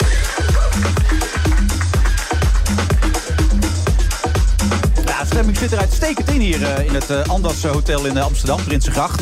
Onze eigen DJ Thomas Robson natuurlijk aanwezig. Nog steeds aanwezig ook John van Heuvel. Leuk John. Hè? Ja, wordt steeds leuker. Hou je het nog een beetje vol ook? Ik sta er helemaal strak in. Ja, en de man die jou eigenlijk een beetje groot gemaakt heeft zit naast je. Bert Ja, Dijkstra, de schrijver van jouw boek, hè? Absoluut. Ja. Bert, goed dat je er bent. Je hebt boeken meegebracht, zie ik. Ja, Waarom? gewoon... Ik denk van misschien dat er nog iemand eh, belangstelling Maar jij loopt daarmee rond de hele tijd, zeg. Dag Ja, en nacht met die boeken. Ik ben ook een soort marskramer in, eh, in boeken. Nee, want ik zie je steeds met die boeken op je schoot zitten. Ik denk, nou, hij heeft een plan ermee, maar dat heb je dus Nee, nee, nee, nee. nee. Dacht je dat ik hem geen goochel of zo? Nou ja, ik dacht, hij heeft een soort idee. Er gaat iets ludieks gebeuren. Nee, dat moet je weer teleurstellen. Nee, Ja? ik, heb ik had ze gewoon in mijn hand. Ja. Je moet toch wat in je hand hebben? Ja, ik zag je van de week bij Jinek. Was leuk, hè? Nee, dat was helemaal niet leuk. Oh, nee? Was het niet leuk? Nee, voor mij niet. Wat- Voor, voor John wel, maar ik ging, eh, het, het was niet mijn avond. Wat Nee. gebeurde er met je? Zo ken ik je niet, Bert. Nee, zo, zo ken ik mezelf ook niet. Nee, je was het verhaal helemaal kwijt. Nee, ik was het verhaal helemaal kwijt. Maar ik, ik, had, ik, was, ik had ook zo. Ik, het liefst was ik halverwege al weggegaan voordat we aan de beurt waren. Want ik was, het was Want? een horrorscenario voor mij. Hoezo dan? Ik, zat, ik, ik had links het piepkuik en rechts had ik eh, een of andere wijsneus. eh, die die, die eh, oeverloos zit te zeiken over van alles en nog wat. Ik, ik, ik zakte steeds verder weg en ik denk, oh, wat zit ik hier eigenlijk te doen? Normaal gesproken, als je thuis zit, dan sep je weg. Ja. Maar je komt voor een boek. Een, niet zomaar een boek. Hè? Het boek van John van de Heuvel. Wie mag dat nou maken? Hè? Ja, dat, dat, En dan ga je een beetje zo zitten doen. ja. Wil je het alsnog de Niks- anekdote vertellen? Niks menselijks is mij vreemd. Vertel even die anekdote die van de week niet goed ging. Het is er wel goed Bert, laat, jou. je niet, laat je niet uit de tent lokken door die gozer. Want hij, is- hij, zit je gewoon, eh, hij zit je gewoon te stangen, joh. Ja, Laat het echt gaan. ja, met die man. ja, het is Ja. echt niet te geloven. Maar Het was wel een goed verhaal. Ja, dat was het. een goed het- verhaal. Weet je nog waar het over ging, dat verhaal? Ja, dat weet ik nog wel. Wat dan? Maar de, de tweede helft weet ik niet meer. Nee. Toen viel, het, eh, viel het weg. Van alle verhalen die je hebt met hem meegemaakt, want je bent met hem meegegaan. Wat, wat was je meest indrukwekkende moment dan? Nou, dat, zijn er, ja, dat klinkt clichématig, maar er zijn er Ja, veel meer. ken ik je. Ja, Ja. Ik, ben, ik ben de man van de clichés. Maar Ja. Nee, dat is, eh, er zijn er zoveel. Ik heb echt... eh, dat, dat is Nee, daar heb ik niks aan, Bert. We moeten Nou, een nee, specifiek nee, zal- horen. zal- wil, ik- je, wil je een serieus, toch een serieus toontje? Ja, dit is een serieus programma, dus het zou fijn zijn als je een beetje serieus zou zijn. Nee, het, het moment waarop John dus mij vertelde eh, hoe het gegaan is met, eh, met, met eh, de dood van zijn vader. En dat vond ik wel heel aangrijpend. Omdat, niet zozeer dat het telefoontje kwam, maar Als zijn stiefbroer. Ja. ja, van zijn stiefbroer. En dat hij eigenlijk op het telefoontje zat te wachten dat zijn schoonvader zou overlijden. Want die was eigenlijk, eh, die lag was terminaal. Ja. En dus dit, dit was eigenlijk toch wel een schok. En eh, zijn stiefbroer was ook redelijk van slag. En als je dan, eh, dan heb je een reactie dat je meteen in de auto stapt. En eh, dan moet John nadenken van ja, wat nu? En dan belt hij de, de DKDB en dan krijgt hij dus te horen van ja, voorlopig gaat het even niet. En zo, enzovoort, enzovoort. Nou, toen heeft John doorgepakt en toen is er een oplossing gevonden. Dat staat in het boek. Maar dat heeft mij wel aangegrepen. Omdat ik denk van ja, als je zelfs bij de dood van je vader eh, niet eens meer natuurlijk gedrag aan de dag kunt leggen, dan is het wel heel erg triest. ja, nou, zo moeilijk is het toch niet? Nou, dit, dit was eigenlijk het vrolijkste verhaal uit het boek. Dus kan je nagaan wat, wat de rest... eh, Nou ja, even over die DKDB. Die is hartstikke belangrijk voor je. Ja, die jongens zijn ja. geweldig. Dat vertel je ook een paar keer in het boek. En ze zijn hier nu ook weer. Ze zorgen ervoor dat we dit ook kunnen doen met jou. Ja. Maar er waren ook een paar momenten dat je boos was. En dat je even een keer naar Boulevard toe. Ben je gewoon uit de auto gestapt. En ook een keer met de vakantie. Die opeens, dat ze niet meegingen. Ja. Nou ja, we waren een keer onderweg naar, naar Boulevard. En eh, ik zit, eh, als gewoonlijk zat ik op de achterbank. En toen werd er eigenlijk gezegd van... ja, sorry, je moet er rekening mee houden... dat we vanavond niet naar Boulevard kunnen. Maar ik ga altijd vrij laat naar de studio, Ja. net als jij. Dat ken ik, ja. Dus... ehm, dus dan zit je, ik denk, wat is er, ja, maar wat is er aan de hand? Ja, dat kunnen we niet zeggen, maar je kan niet naar Boulevard. Ik zeg, nou, ik ga wel naar Boulevard als jullie me niet vertellen wat er aan de hand was. Nou, lang verhaal kort, het werd niet verteld. Dus ik zeg, nou zet me dan hier maar bij het benzinestation af. Ik had mijn zoon al gebeld, haal me maar op met de auto hier bij het benzinestation. Want ik wil gewoon mijn- werk doen, ik wil naar, de, naar de studio. Ehm, ja, dat kon allemaal niet. Dus ze reden wel gelukkig naar Amsterdam. En de auto werd geparkeerd bij het eh, hoofdbureau van politie. Op steenworpen afstand van het Leidseplein. Ik zeg, nou wat is er nou? Gaan we nou nog wel of gaan we nou niet? Nou, er werd eindeloos tijd gerekt. Die jongens die, die bij mij in de auto zaten, vonden het ook heel vervelend. Het was inmiddels tien over zes. En om half zeven begint Boulevard.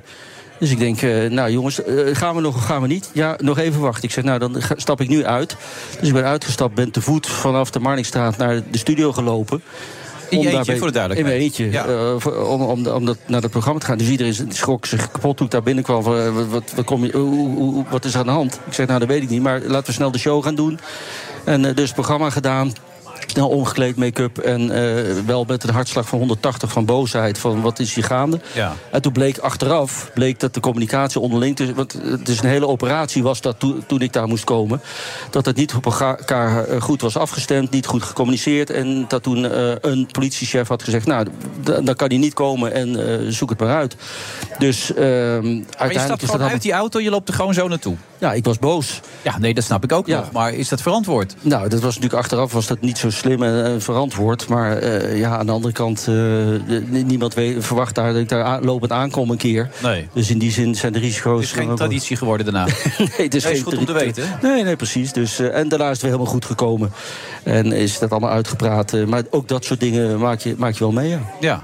Nee, dat heb jij van dichtbij mogen meemaken. Nou, goed, John en ik spreken elkaar ook wel eens in privé. Dus ik heb het ook al een aantal keren mee Maar, maar een, vrolijk verhaal daartegenover. Eh een, een middagje naar PSV, dat was, dat was een feest. Want, eh, Ja, daar weet ik alles van, over het algemeen. Ja, dat is zeker. Maar, maar ook, ook, ik zeg tegen John, dat gaan we nooit meer redden. Want eh, het is, het spitsuur en dat, dat gaan we lopen vast. Hij zegt, daar hebben wij geen last van. Nee. En inderdaad, met sirenes en toestanden. Want je mag niet stilstaan met zo'n auto. Dus dat is dan weer een, een voordeel bij, bij heel veel nadelen. Ja. Maar je moet dan wel achter dat. Nou ja, goed, ik hoef niet uit te leggen. Dat mag je ook allemaal niet vertellen enzovoort. Maar daar is het altijd fijn. PSV is voor mij een warm bad. Ja, dat niet is altijd de resultaten, maar het is altijd wel gezellig. Ja. En de ene, ik zit niet eh, altijd op dezelfde plek. Dat, eh, ik verhuis af en toe een beetje. Heel ook weer. belangrijk om dat te melden ook, ja. Ja, ja. dus, ehm, maar jij bent ook wel eh, af en toe Ja, een keer ja. mee. We hebben nog wel eens in, eh, in het Café de Verlenging... hebben wij nog wel eens eh, natuurlijk een hele leuke Eva middag. Met Eva. Eva Jinek. Ja, toen toen was het gezellig. gezellig. Ja. Zeker, zeker. Nou, maar Eva is ook hartstikke gezellig. Ja. Het lag ook niet aan Eva. Nee, nee, zeker niet. Nee, sterker nog, ik heb eh, Eva nog een bericht gestuurd na dat, eh, na dat incident natuurlijk. Ja. Van de week. En? Nou ja, dat, dat, dat ik het vervelend voor haar vind. Want, want zij is altijd wel gewoon de perfecte gastvrouw. Ja. En, en dit is toch gewoon fijn. Wat zei je? was toch gewoon opzet. Dat kunnen we nu toch bekendmaken. Nee, maar dit hoorde ik bij jullie ook. Dat jullie daar nog steeds, of althans in ieder geval Johan en eh, René daarvan overtuigd zijn. Maar dit was geen opzet. Dit, Hmm. Nee? dit- absoluut niet. Ja, Nou, het was een opzet dat ze daar natuurlijk die show gingen verstoren. Maar niet dat dat een 1 2 was met de redactie van... joh, in minuut zoveel moet je daar lekker uh, stap bij gaan maken. Oké, die tafelplakker was ook geen opzet.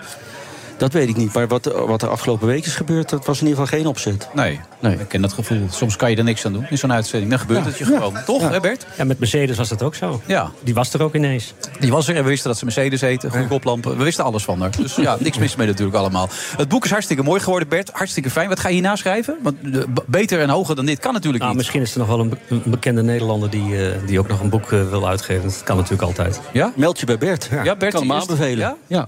Maar je hebt toch hartstikke druk met de Telegraaf, neem ik aan? Ja, maar de, de, de, dagen zijn lang, 24 uur per dag. Dat blijven zoveel uren over. Het blijft een rotzak, hè? Muziek, jongens, muziek. Huppatee, daar gaat hij. Oh, onze DJ wordt er enigszins door verrast, dus dan gaan we gewoon weer keihard door. Want het Wiegers Maduro zat er al een tijdje. Die zat mee te luisteren ook. Uh, kennen jullie elkaar trouwens? Uh, ja, ja, ik ben wel uh, eens een keer uh, tegengekomen op een bruiloft. Ja, op een bruiloft? Ja, gemeenschappelijke vriend. Dus, uh, maar toen kwam ik aanrijden en de eerste beveiliger stond al klaar op de parkeerplaats. Toen dacht ik, wat voor bruiloft is dit? ja. Toen liep ik door en er stond de volgende klaar. En echt om de hoek stonden ze klaar. En ik kwam binnen, toen zag ik uh, John uh, daar binnen zitten. Toen wist ik ook wel waarom er zoveel beveiliging was. Maar jij dacht dat je op een of andere maffia-bruiloft ja, terecht kwam. Ik denk van, wat voor bruiloft is dit? Dit is maar niet uh, medegedeeld. Maar hij staat daar en toen dacht ik ook al direct van... Poef, weet je, wat, hoe moet je eigenlijk leven zo? Dus eh, ik kan het eigenlijk eh, mezelf nog steeds niet eh, voorstellen. Nee. Maar zijn, zijn vriendin trad toen op. Ja. Zijn vriendin is een hele Ja, goede. nee, die hebben, wij zijn een paar weken op Aruba. Oh, oké, nou, dan weet je, hoef ik dat niet uit te leggen. Ja. Maar, maar Ja. die, dat is echt een eh, kippenvel optreden. Ja, die kan geweldig zingen. Ja. En ziet er ook niet slecht uit. Hè? Nee, mag, mag nee. ik dat Ik zeggen? heb, eh, goede ogen. Mag- Jij mag dat zeggen. Ja, mag ik dat zeggen? Ja? Nee, dat heb ik dat bij deze gezegd. Ja, jullie mogen het alle twee zeggen. Jij ook hoor. Oké, dan zeg ik het ook. Ja, vind je het ook, Bert? Ja, zeker. Ja, hè? Ja, en, en ik heb Ja. een hele goede smaak dus. Ja, en tot nu toe gaat het hartstikke goed, man. Ik weet niet wat er gebeurde van de week, maar het loopt nu als een Zit je trier. dat te zeiken, man? ik heb al gezegd dat het dat een flagrante afgang was. Dan Moet ik, dan moet, moet ik hier gewoon nog... Ja, wat je eh, volgende keer moet doen, wat je gewoon volgende keer moet doen, wijntje drinken. Gewoon een Ja. glaasje wijn erbij. Dat is misschien het idee. Ja, dat was, dat was ook zo mooi. Ik denk vooraf, ik denk, nou ja, ze zeiden wat wil je drinken? Ik zei, nou, le- lekker wit wijntje, prima. Ja. Kijk ik op die tafel, zit iedereen water te drinken. Ja. Maar dan heb je genipt, neem ik aan, toch of niet? Nou nee, ik heb de, ik heb de reputatie van de Telegraaf hoog gehouden. Dus Ja? ik heb het toch, toch wel even Had gezien. doen, dat glas zo naar binnen slobberen. En, en, ik, ik kreeg toch een beetje een Jezusgevoel, want het glas werd niet leeg. Nou, ik dronk wel, maar het werd niet leeg, want er zat elke keer iemand het bij te schenken. Oké, nou, dan weet ik nu waar het aan lag. Oh, het lag Kijk, je bent nu van het water, kan niks gebeuren. Eh, het gaat goed zeg hè, met Almere City. Gaat het dit jaar dan eindelijk gebeuren? Ja, we hopen het wel, hè. We zijn Ja. een beetje de dark horse van de eh, competitie. Dus dat had een hele eh, trage start. Ook eh, heel veel nieuwe spelers. Maar de laatste tijd gaat het goed. Ja. Qua resultaat. maar het kan nog beter natuurlijk. Ja, nee, want je staat nog niet eerste natuurlijk. Nee. Nee, we krijgen nu een aantal tegenstanders die boven ons staan. eh, MVV en ook PEC Zwolle. Dus dat voor de belangrijke weken. Want wij gaan eh, nog wel gewoon door hè, tijdens het WK. Oh ja. Weten heel veel mensen denk ik niet. Dat is goed dat je het even meldt dan nu. Weer een primeur erbij. Het is het derde vandaag. Ja, ja. Ja. Met Dus, drie wereldliers al. Ja. Wij gaan gewoon door hoor. Oké, bij deze gemeld. Mensen allemaal op noteren natuurlijk. Hartstikke fijn. Maar het WK is ondertussen wel. Ja. Wat ga jij ermee doen dan? Met dat WK? Moet je ook ergens aanschuiven? Of? Ik ben af en toe bij de NOS eh, wedstrijden analyseren. vooral dus inhoudelijk Argentinië. Inhoudelijk belangrijk. Ja, Argentinië en Spanje vooral. Een beetje eh, de landen waar Spaans gesproken wordt. Dus eh, eh, ja, omdat ik ook nog een aantal spelers ken. Oh, Oké, van, vanuit je tijd dat je in Spanje voetbalde. Ja, en ook tegengespeeld. Bijvoorbeeld tegen Messi. Dus het is leuk om verhalen te vertellen Ja. daarover. En Messi heeft het ook vaak over jou, toch? Heel vaak. In Ja. Argentinië zei hij... Ik eh, speelde tegen een middenvelder bij Ja. Valencia toen. Die was, eh, daar kwam ik niet langs. Dus eh, in Argentinië ben ik heel, heel bekend op. Hè. Hoe lang is het nu geleden eigenlijk? Dat je, Tegen Messi... be- nee, dat je voetbalde überhaupt, dat je actief was? Nou, ik ben inmiddels eh, drie, vier jaar gestopt al. Hè. Dus eh, ik ben nu echt in het trainersvak eh, gestort. Ja. Dus ik moet eh, volgend jaar eh, mijn laatste cursus eh, halen eigenlijk. Hè. Eh, coach betaald voetbal. En dan kan ik elke club coachen die ik eh, zou willen. Tegen die tijd is Schreuder weg natuurlijk. Ja. Dus dan kan je... Nee. Die is al niet weg, kan ik je Nee. melden. Hoor. Denk je dat? Dat denk ik wel, ja. Echt? Ja, toch? Denk je niet? Als de resultaten zo blijven, eh, dan wat- wel wat- ja. Maar is- ik heb wel gehoord volgens mij dat het vrij eh, rustig... eh, Hey Bert, wacht tot hij uitgesproken is. Is dat zo? Ja. Moet dat? Oh. Ja. Volgens mij heeft toch het, eh, de clubleiding eh, vertrouwen in hem uitgesproken. Toch Ja. laatst? Nou, dat is maar dat wel is een slecht teken? Ja. Maar, maar welke club doe je het liefst als trainer? Nou, ik heb een, een droom om weer in Spanje te werken. Dus eh, eigenlijk als voetballer, eh, voetballer al zo geweest. En nu eigenlijk ook. Dus eh, Barcelona zou mooi zijn. Het is misschien wel goed om te melden dat Bert en ik elkaar al heel lang kennen. hè. Dus dat dat vliegafvangen, dat komt vanuit het verleden. hè. Dus niet dat mensen denken, god, wat wordt die Bert afgezeken? Wat een lul die wil. Dat vinden ze wel. Maar die Bert Dijkstra zal wel nu helemaal van slag zijn. Maar jij kent mij gewoon, Bert, hè, voor de duidelijkheid. Ja, ja, een Beetje, beetje wel, ja. Ja, nee, want die vraag van net die verraste mij echt. Van eh, welke club zou je graag willen? Nee, maar... Goeie vraag, hè? Verrijking van het programma. PSV vind ik ook wel een hele mooie club, hoor. Ja, even, dat bedoel Ruud. Ruud Gullit zei nou ongeveer een half jaar geleden... donkere eh, trainers krijgen eigenlijk niet de kans. Hoe ervaar jij dat in Nederland dan? Ehm, ja, ik denk het begint altijd bij jezelf. Ehm, ehm, dus hoe, hoeveel heb je ervoor over? Ook om eigenlijk een beetje het tegendeel te, te bewijzen. Zo, zie ik, zo zit ik er zelf in. Keihard werken gewoon. Maar hij zegt eigenlijk dat je tegengewerkt wordt... en dat je geen kansen krijgt. Ja, maar Ervaar je dat zo? Eh, Nee, ik persoonlijk niet echt. Maar ik weet ook niet hoe het is. Want eh, misschien zijn er ook wel heel veel trainers, donkere trainers... die wel diploma's hebben, maar niet aan de bak eh, komen. Dat weet ik eigenlijk niet. Als dat zo is, Wat gek moet dat eigenlijk... niet Hedwig. Het is niet onaardig bedoeld, maar dat zou je toch kunnen nee. weten, toch? Of niet? Ik- Ja, het zou kunnen weten, maar uiteindelijk... Kijk, dat is maar, dan maar iemand kijk eens naar die de zegt. opleiding. Hoeveel donkere trainers zitten ertussen steeds? Bij de, bij de Ehm, KNVB. Nou, er zitten een paar. Een paar wel. Kijk, ik, ik zit nu in een klas bijvoorbeeld ehm, volgend jaar. Ja. Eh, een nieuwe klas zijn er twaalf, hè? Twaalf deelnemers. Ja. Ik denk dat ik de enige ben, volgens mij. Ja, dat is toch opmerkelijk. Ja. Want maar ik weet niet eh, eh, hoe dat zit, qua aantallen eigenlijk. Nee, maar oh, heeft dat dan met tegenwerken te maken... of heeft het met een gebrek aan ambitie te maken? Wat, wat, zou- wat zou het kunnen zijn? Een beetje een mix, denk ik. Een mix. Je moet gewoon altijd kijken naar kwaliteit. Ja, en ook bij in, in, zelf in de spiegel kijken. Want ik denk, als jij de kwaliteiten hebt en, en- en bezit... dat je er uiteindelijk wel gewoon boven komt drij- drijven. Ja. Eh, zo zit ik er zelf in. En ik probeer dat juist waar te maken eh, door zelf keihard te werken. Om eigenlijk altijd de beste te willen zijn. Ook al kan de, lukt het niet altijd. Maar in ieder geval dat ik altijd in de spiegel kan kijken. En als ik mijn diploma heb, misschien ervaar ik het over een aantal jaar. Dat ik denk van ja, ik ben eigenlijk beter dan, dan die trainer. Want die komt wel aan de bak. En ik heb mijn diploma, maar ik kom nergens aan de bak. Nee. Dus dan zal ik eh, dat eh, ervaren. Dan kun je het beter beoordelen ook. Ja, Nou denk goed, ik ik ken je niet heel goed, maar ik heb je wel een paar keer meegemaakt. Ik denk dat je heel goed en zinnig over voetbal kan praten. En dat je goed een kijk op het spelletje hebt. Dus wat dat betreft zou er veel voor je open moeten liggen, denk ik ook. Dat is mijn mening ja, dan. dat maar gevoel, dat gevoel heb ik wel. Ik dat veel meer dus. Ja, maar dat gevoel heb ik wel. Want eh, ik ben nu assistent-trainer bij, bij Almere City. Maar ik heb ook al heel veel aanbiedingen gehad. Ook van PSV, hè, eh, afgelopen eh, seizoen. Groningen, Sparta, allemaal verschillende clubs waar ik geen eens gewerkt heb. Weer primeurtjes dit? Of, of wist het Nee, dat was, dat was, Oké. was ook in de, was al bekend. Oké. Maar ehm, ja, dat geeft dus ook een soort van Waarom heb je die voor PSV gekozen? Omdat ik, ehm, ja, ik koos nog om bij Almere City te blijven. Ik ben daar wel geweest in op gesprek ook. Ehm, om ja, mijn eigen ontwikkelde traject. eh, ik was daar eigenlijk nog niet klaar voor. En bij Almere City kan ik heel veel doen in vrijheid. Eh, dingen uitproberen eigenlijk. Dat kan bijvoorbeeld bij PSV niet of bij Ajax niet. Ehm, dus ik ontwikkel mezelf daarin. En eh, ja, daarom ben ik nog bij Almere gebleven. Ja. Hoe goed ken je Louis Vergaal? Ehm, redelijk goed. Ik heb hem als technisch directeur meegemaakt eh, bij Ajax. Toen was ik ergens zat ik in de jeugd bij Ajax. Er was heel veel wrijving toen met Ronald Koeman, die periode. Ja, dat hij naast het trainingsveld ging zitten met een stoeltje. Ja, ja, daar heb ik ook wel eh, leuke verhalen over. Want dan trainden we bijvoorbeeld. En dan kreeg ik een opdracht op de training van Koeman. Nou, je moet zo snel mogelijk even linksbuiten inspelen. Want de tegenstander heeft een langzame rechtsback. Snel mogelijk inspelen. En dan liep ik van het trainingsveld af. En dan stond Vergaal daar. En die zei, je moet de spits inspelen. Zo snel mogelijk. Ja, ja. En ja, en ja, dat ging botsen. maar kan er ook niet. Eigenlijk kan dat niet. Maar het is natuurlijk een visie tegen een andere eh, visie. En ja, dat, dat kon, eh, kon op een gegeven moment niet meer eh, Nee. samen. Maar goed, hij is nu de grote baas. Even het gevoel, John, wat heb jij erbij? Geen goede spelers, althans niet uitzonderlijke spelers. Een geweldig team, zegt hij. Nou, ik ben heel blij. En het wordt volgens mij de openbaring van het seizoen met eh, Xavi Simons. En ik denk dat dat eh, wat we toen, zeg maar, dat toernooi waar Memphis Depay ook als een soort van nou, eh, laatste keus bij de selectie kwam, dat was natuurlijk uiteindelijk ook een beetje de openbaring van het toernooi. In ieder geval voor het Nederlands elftal. En ik denk dat die rol voor hem ook nog wel eens. hij die jongen speelt zo komen? lekker. Ja, die speelt zo lekker onbevangen. En maakt acties en is lekker brutaal. En, eh, ja, PSV'er. dat- PSV'er. Maar, maar dat terzijde. Ik denk dat dat. Daar heb ik veel verwachtingen van. Bert, heb jij vertrouwen erin? Nee. Oh, nou dan zijn we bij het Wiegers uitgekomen.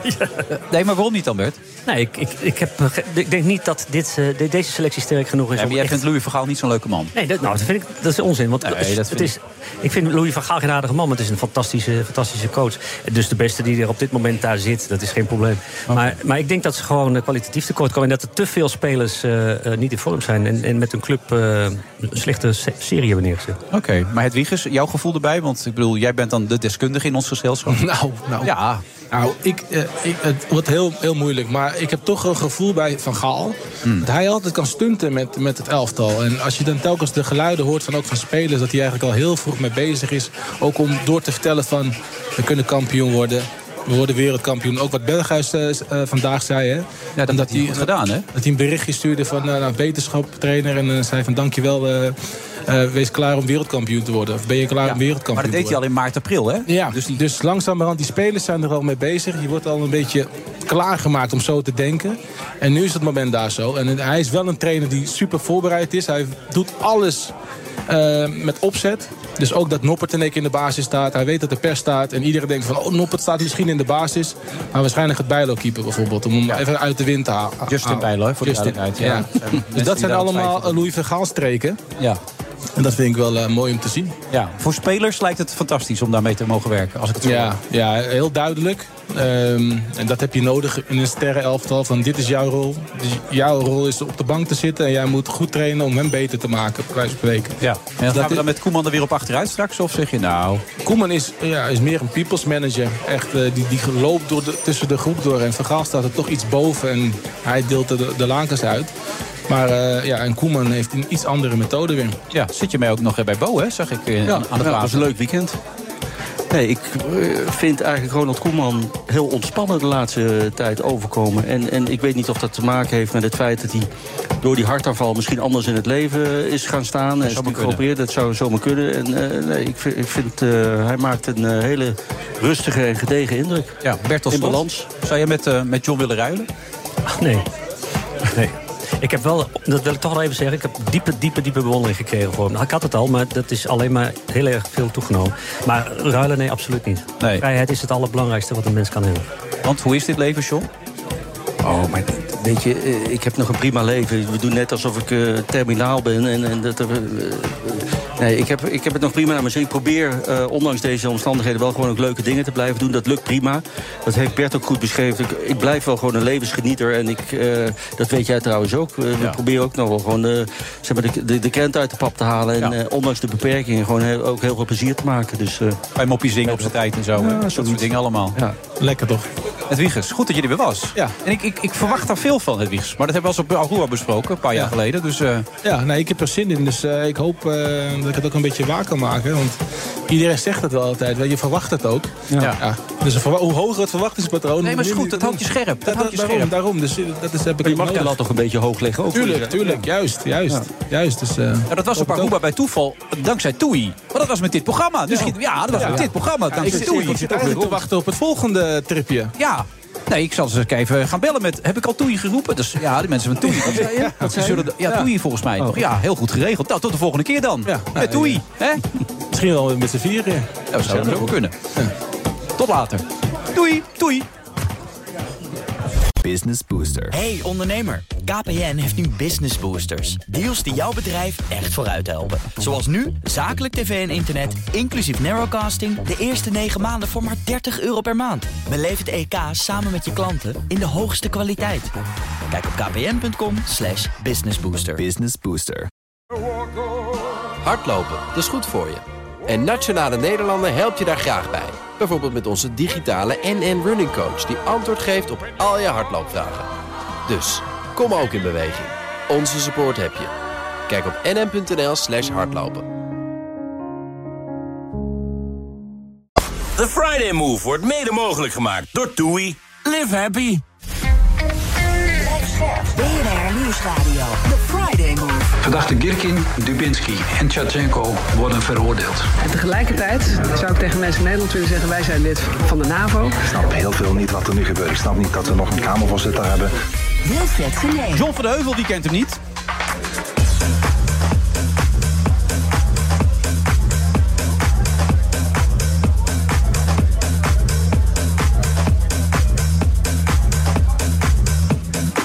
Vandaag dus eh, in het eh, Anders eh, Amsterdam Prinsengracht Hotel. Daar, kunt u langskomen. Dat hebben heel veel mensen ook gedaan. Het is hier gezellig druk. En John van Heuvel zit er hier nog steeds als co-host van mij. John, we proberen er een bepaalde luchtigheid aan te geven. Omdat als je het te zwaar maakt, dan wordt het ook opeens te zwaar misschien wel, dat leven. Maar tegelijkertijd heeft het ook enorme consequenties voor je omgeving. Bijvoorbeeld je vrouw. Eh, hoe gaat het nu met haar? Want ze heeft haar job moeten opgeven waar ze zo'n ontzettend gelukkig gevoel van kreeg. Nou ja, het voordeel van een boek is dat het een ruime productietijd heeft. Dus eh, wat we beschrijven in het boek is, ligt al eigenlijk alweer een paar maanden achter ons. Dus die teleurstelling en dat verdriet is wel weer, heeft wel weer wat meer plaats gemaakt voor. eh, eh, mijn vrouw heeft een enorme veerkracht, dus voor nieuwe dingen waar ze mee bezig is. Dus dat is leuk. Eh, maar het was niet eh, de allerleukste tijd om het heel voorzichtig uit te drukken. En eh, op het moment dat je je baan kwijtraakt, is het al heel lullig. Maar als je met volle passie in- het onderwijs zit, al 40 jaar... en je moet dan om deze reden, dus om mijn baan eigenlijk... Ja, word je via de achterdeur naar de uitgang gedirigeerd. Dat is wel heel zuur. Ja. Want ze werkte met eh, jonge kinderen. Gaat Ja, kleuterjuf, mensen die. Nou, in de eh, nadagen van hun leven zitten. Nou, iets in die branche, ja. Hospice-achtige Ja, dingen. Ja. Waar lach je nou? Nee, ik lach niet. Nee, Nee, ik vind het heel mooi. Maar Ja. eh, dat ze dat doet. Dat ze, wat ik zeg, ze heeft een enorme veerkracht. Ja. En ehm, ja, goed. eh, het, eh, ik, ik ben, ik ben blij met, ontzettend blij met haar dat ze me toch, ondanks dat alles, blijft steunen. En dat is niet voor de hand liggend. Ik denk dat menig vrouw had gezegd: zoek jij het even lekker uit. Ja, nu is ook een tijd bij elkaar. Hoe lang nu alweer? Volgend jaar 35 jaar. Zo hé. Ja. Ja, die wordt, wordt niet kort 60. Ja, dat gelooft niemand hoor, hoorde ik net. Maar... Nou, ja. ja. Kan snel gaan. hè? Conor Klerks inmiddels aangeschoven. Hey, goed. Tech-directeur van BNR. de redacteur, hè? Ik zei bijna directeur. Nee, maar redacteur. Ik zat even na te denken. Bijna, bijna. Nee, want de hoofdredacteur staat hier en die houdt het in de gaten. Ja.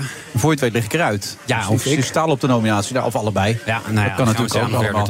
Een tijdje terug, een paar weken geleden, Ja, zaten twee we eh, bij de Sky. Nou, Nee, we zaten één verdieping lager. We zaten wel in Amsterdam, Doubletree. Eh en toen ging het over Twitter. Toen was het nog redelijk positief. Er zou een nieuwe wind gaan waaien. Wind is een beetje gaan liggen. Het gaat niet Nou, zo goed. Ja, het is maar hoe je het bekijkt. Die wind die gaat in elk geval heel hard. Ehm, want er gebeurt echt van alles. Eh, je had me bij wijze van spreken elke dag... de afgelopen twee weken had je me kunnen bellen en eh, kunnen Ja. vragen... Connor, wat is vandaag De Friday is Dat wel op vrijdag. Ja, precies. Maar bij wijze van spreken hadden we Ja, elke oh, dag hadden we hier een gesprek over kunnen voeren. Want er is iedere dag weer gewoon iets bizars aan de hand. Vandaag eh, is eh, weer een soort eh, voorlopig hoogtepunt of die, dieptepunt, afhankelijk van hoe je erin staat. Maar eh, Elon Musk heeft al zijn kantoren van Twitter dichtgegooid. Ze zijn Oh. allemaal op slot gegaan. Niemand eh, mag er meer in. eh, niemand mag met zijn pasje erin. Maar iedereen moest juist naar kantoor toe, was ja, het verhaal? dat was vorige week was het verhaal dat eh, iedereen, eh, niemand meer thuis mocht werken. Maar ehm, ja, Musk is bezig met een nieuwe cultuur daar. Hè. Hij noemt dat Twitter 2.0, Twitter 2.0. En eh, ja, daar wil hij alleen een bepaald slag mensen hebben. Dus ja, er zijn natuurlijk een heleboel mensen ontslagen. Hij heeft zelf de helft van zijn personeel ontslagen. Daarna zijn een heleboel andere mensen vertrokken. Want misschien vonden ze de omgeving niet meer zo leuk. Misschien vonden ze bepaalde collega's misten ze of hadden ze geen zin voor Musk, Musk te werken. Dat kan allemaal. Ja. Er zijn in elk geval best wel veel mensen vertrokken. Er waren nog ongeveer 2900 mensen over. Nou, wat heeft Musk gedaan eh, gisteren? Hij heeft een mail gestuurd naar zijn hele personeel. Waarin stond: We gaan het totaal anders doen. Dit is de nieuwe cultuur. We gaan ontzettend hard werken. Extremely hardcore noemde hij dat. En als je daar geen trek in hebt, als jij geen zin hebt om extreem lange dagen te werken. Ik wil alleen maar de mensen die dat wel hebben. Dus als je dat niet doet, nou, dan ga je weg. Dan neem je drie dagen loon mee. Er zat een knopje zelfs in die mail. Klik op yes. Als je niet voor vijf uur morgen op yes hebt gedrukt, Oké. dag. Maar eh, ja, je, je, je had het aanzien kunnen komen. Eh Musk blijkbaar niet. Maar een heel groot deel van het personeel heeft er helemaal geen zin in. Die hebben daar helemaal niet op. Die hebben niet Nee. op die knop gedrukt. Die hebben gezegd, weet je wat, bekijk het maar. En precieze aantal is altijd moeilijk. Het is natuurlijk gewoon een bedrijf. We kunnen niet in hun boeken kijken nu. Maar eh, wat eh, gerenommeerde media zoals Reuters en The Verge er nu over zeggen... is dat het misschien wel duizend man zijn die weggaan. Dus dan zijn we in de tussentijd, zeg maar sinds de vorige keer dat ik jou sprak... zijn we van 7500 mensen naar misschien potentieel 1900 mensen gegaan. Oké. En dat gaat nog wel impact hebben op En hoe wil je eh, dat bedrijf overeind houden dan?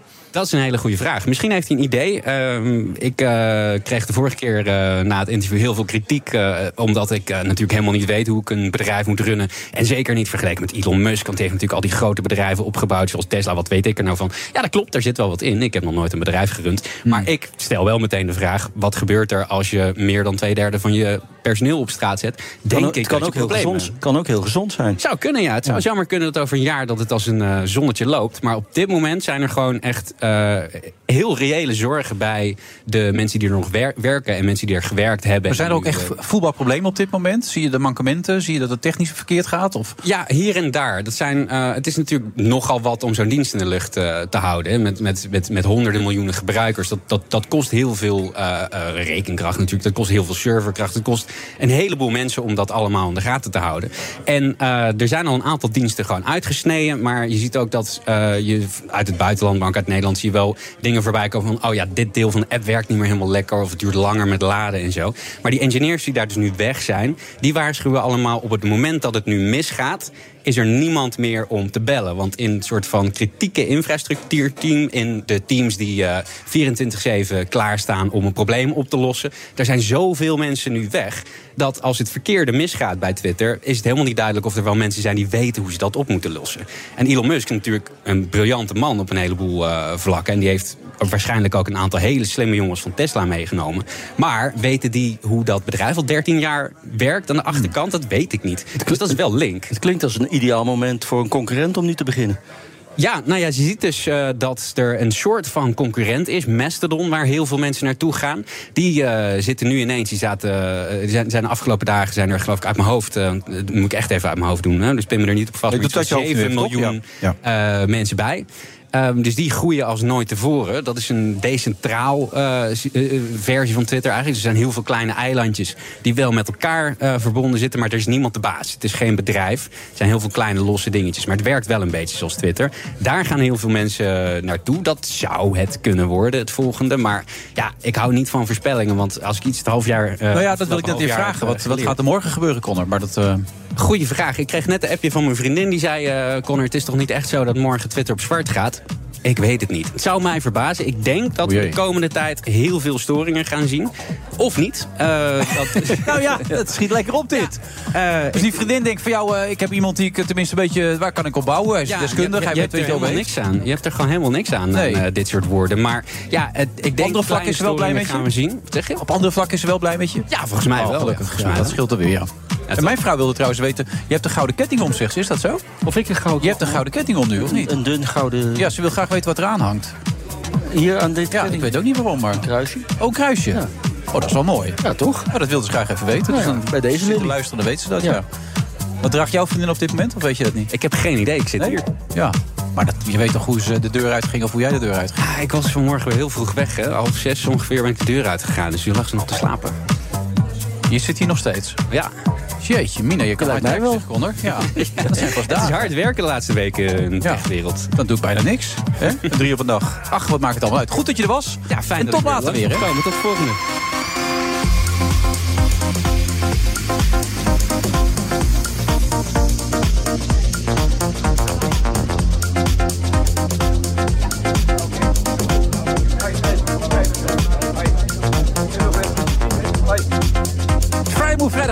November. We zitten dus in Amsterdam, maar dat zitten we wel vaker. Volgende week zitten we volgens mij eh, bij het Krasna Polski ook. Hartstikke gezellig. Kunnen volgens mij ook gewoon mensen langskomen. Moet een keer naar PSV komen. Lijkt me leuk. Jullie? Maar waar dan precies? Nou ja, in de Legends Lounge bijvoorbeeld. is echt een leuke Waar lounge. we wel zijn geweest. Ja. Zou dat kunnen daar, Ja, denk ik? nou, ik ga het mijn best doen. Eh, Auto Workforce of zoiets zit er Ja, toch, of niet? ja, Frank van Gool. Oh, oké. Nou, dat is misschien een optie om eens naar te gaan kijken, ja. Zou ik wel een mooie doen. locatie, hè? Ja. Oh, fantastisch. Gratis tip. Oh, gratis tip. Nou, bedankt voor deze prachtige tip, joh. Ja. Waarom heb je dat boek eigenlijk geschreven, zat ik me later af te vragen?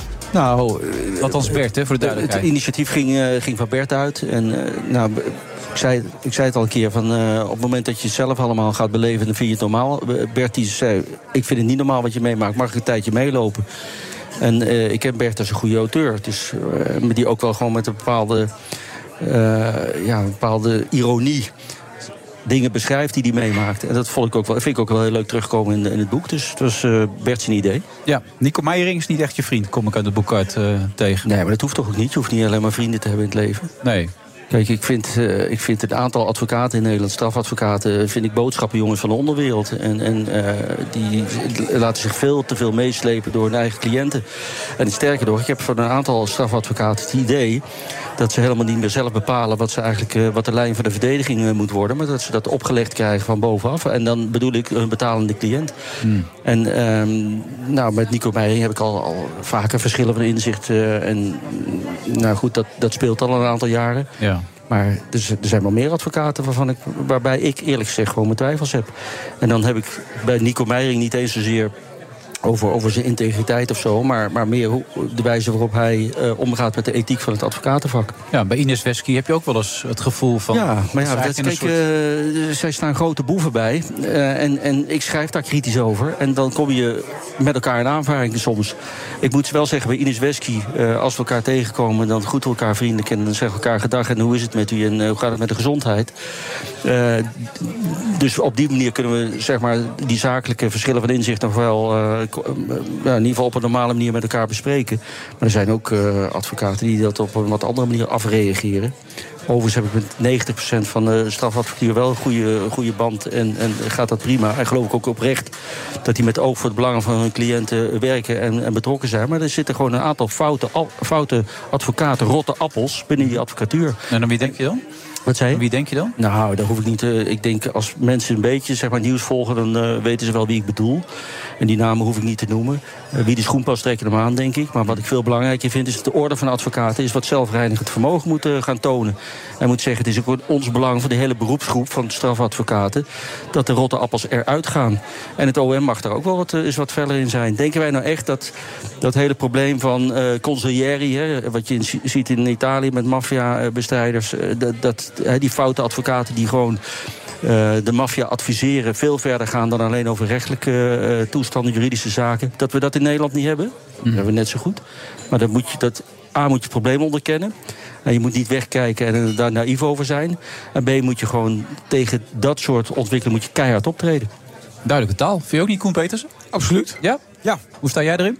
Of denk je, ach, het is niet mijn vakgebied, ik laat hem? Ja, kijk, het is niet mijn vakgebied. Als burger eh, ben ik wel eh, gebaat bij een veilige samenleving. En iedereen die daar een bijdrage aan levert, eh, is natuurlijk super belangrijk. En dat is in veel gevallen niet zonder risico. Dus daar kan ik alleen maar ongelooflijk veel respect en bewondering voor hebben. Nou, je bent Amerika-deskundige. Hoe veilig is Amerika op dit moment? De grote steden zijn niet veilig. Het platteland eigenlijk door de bank genomen wel. Maar je ziet een enorme criminaliteitsstijging in de grote steden.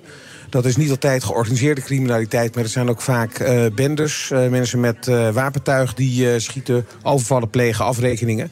Het is niet zo georganiseerd in die steden vaak zoals het hier volgens mij is. Maar het is niet mijn deskundigheid, maar het is wel een groot probleem. Ja, en dat veroorzaakt, wordt veroorzaakt door de moeilijke economische toestand. eh, het beleid wat gevoerd wordt. Waar komt dat door?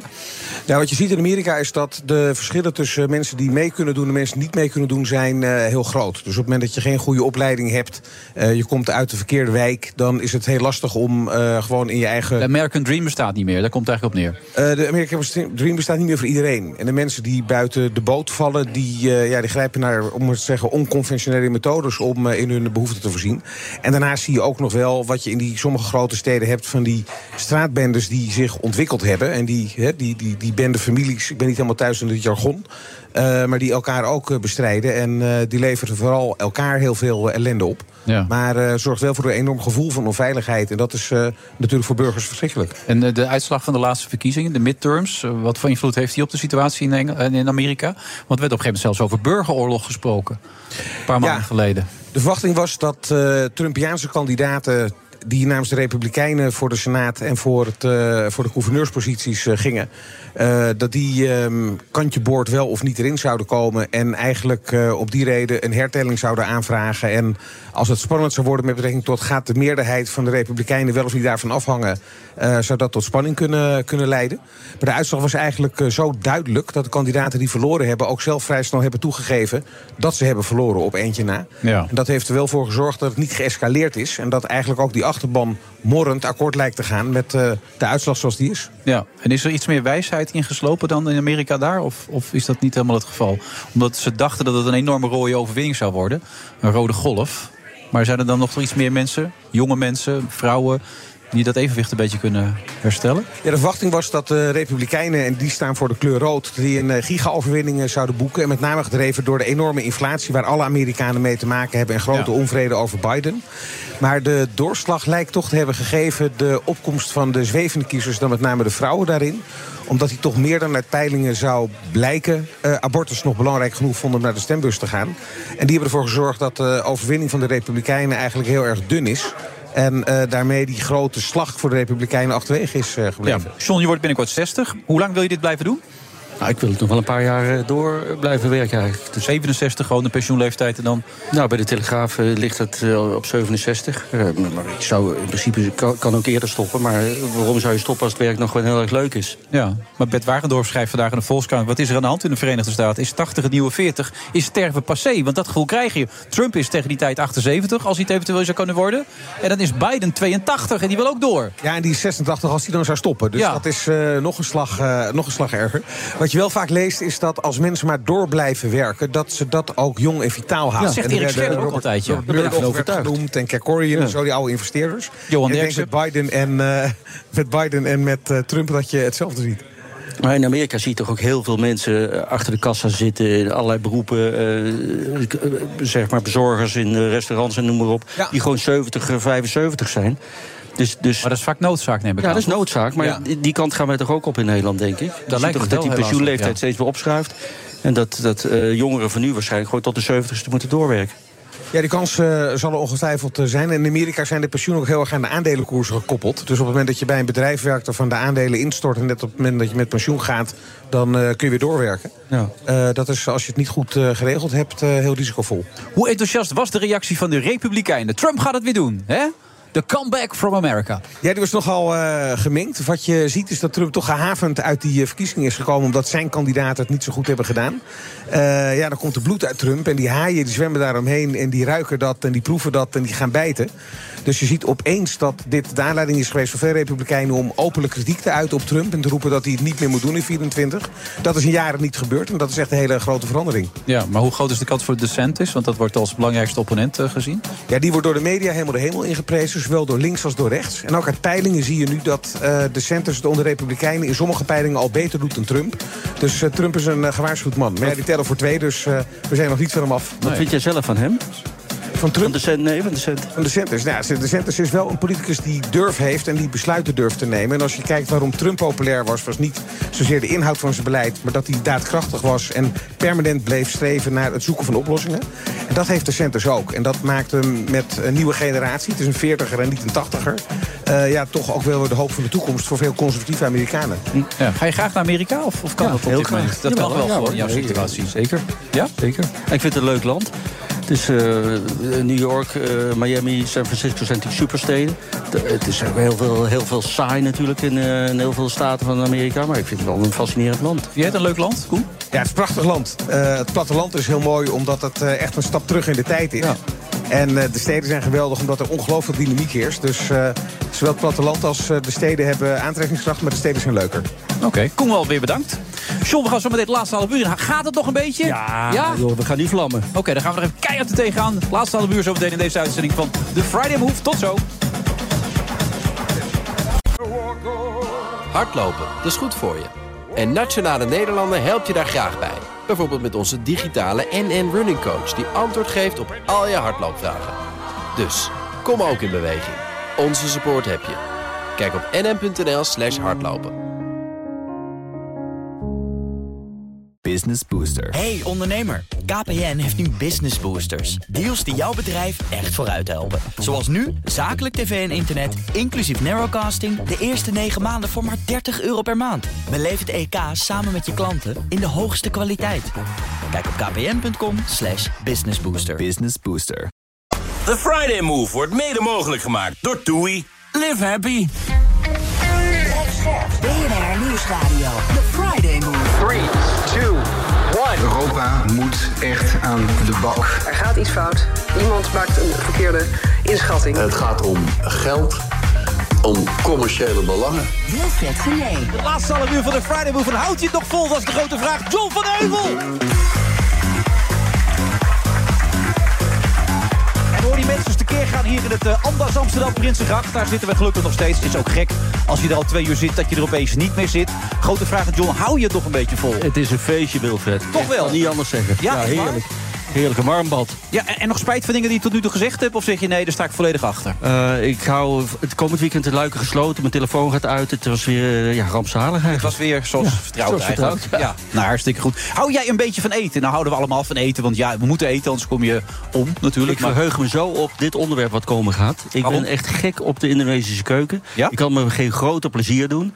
Eh, afhaal of restaurant of wat ook. Maar Indonesië staat bij mij bij far op nummer 1 als het gaat om uh, uiteten. Ja, nou Maureen Tan is hier. Ja. Geen familie van, toch? Nee, nee. Nee, dat moeten we gelijk even duidelijk maken.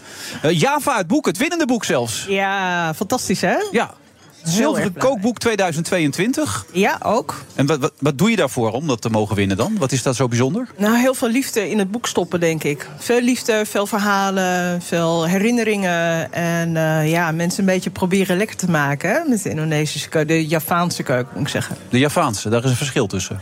Het is toch, ja, er, er zit een klein verschil in. Uh, Javaanse keuken heeft uh, bepaalde gerechten die, die uniek zijn voor, voor, de, voor de keuken. En die kom je alleen maar op het eiland tegen. Oh, oké. Het voorwoord is aangrijpend als je dat gelijk leest. Ja, Niet des kookboeks eigenlijk. Je verwacht natuurlijk gewoon een oppervlakkig verhaaltje. Maar het is een zwaar verhaal wat je in het begin vertelt over Ja. je ouders. Je moeder woonde in een weeshuis. Toen ze elkaar voor de eerste keer leerden kennen... Klopt. mocht zij niet terug worden gebracht door jouw vader... omdat ze zich schaamde. Na een jaar gingen ze trouwen. Nou ja, vertel het maar verder zelf hoe het ging toen. Ja, ze hebben elkaar inderdaad ontmoet. eh. Mijn vader zag haar eh, mooi meisje, mooi Indisch meisje op het kruispunt eh, in Surabaya. En durfde haar eerst niet aan te spreken. En uiteindelijk eh, toch de stoute schoenen aangespro- aangetrokken en gedaan. Eh, ze wilde haar eh, inderdaad niet eh, dat hij haar thuis kwam afhalen. Want dat vond ze, ja, daar schaamde ze zich een beetje voor, omdat ze in een weeshuis woonde. Uiteindelijk ja, is dat gewoon goed gekomen natuurlijk. En, Liefde, hè, overwint liefde, alles. Ja, Ja. absoluut. absoluut. Zo werkt dat vaak. Bijzonder. Ja. Ja. gelukkig wel. Ja. Ja. Ja, en, en van daaruit getrouwd. Ze hebben twee kinderen gekregen, twee, mijn twee oudere zusters. En ik ben hier in Nederland geboren toen zij naar Nederland kwamen. Ja, want ze moesten een beetje naar Nederland vanwege de omstandigheden. Je vader stond op een lijst, begreep ik, van communisten. Ja, die stond op een lijst van vermeende communisten inderdaad. Eh, en mijn moeder was Indisch, eh, dus die eh, moest ook het land uit, hè, de Indonesische onafhankelijkheid.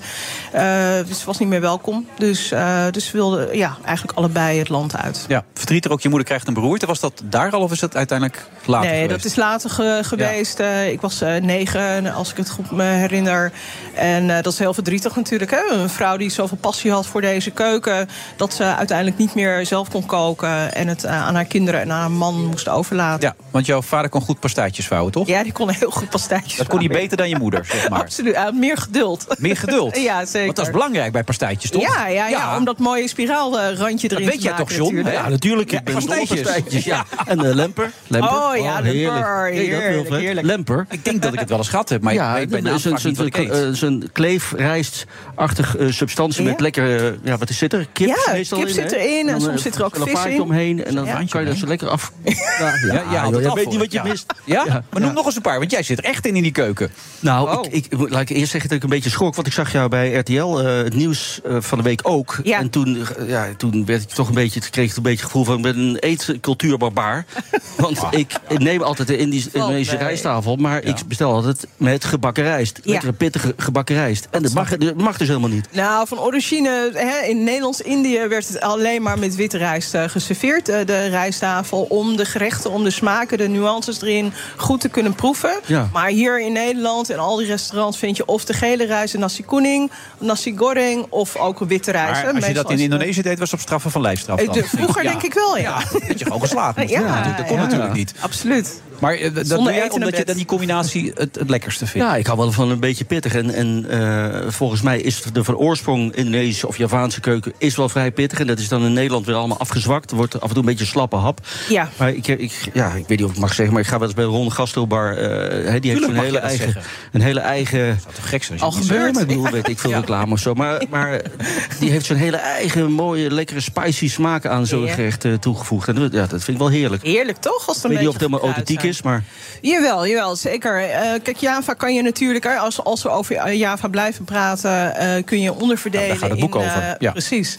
In West-Java, Midden-Java en Oost. En Midden-Java is heel subtiel, is heel. eh als, Maar Noord en. Zuid doet niet mee dan? Die... Noord en Zuid doet niet zozeer Oh, mee. oké. Eh, Nee, die die hoort gewoon een beetje. Ah, daar hangt er een beetje bij. Hangt Oké. er gewoon een beetje bij, ja. Ga door. Ja, Dries. Eh, nou, West fris, zuur en pittig. Dus, midden, midden wat zoet en mild en helemaal niet zo, niet zo pittig. En dan ga je weer naar het oosten toe, waar mijn familie vandaan komt. En daar is het weer lekker hartig en pittig.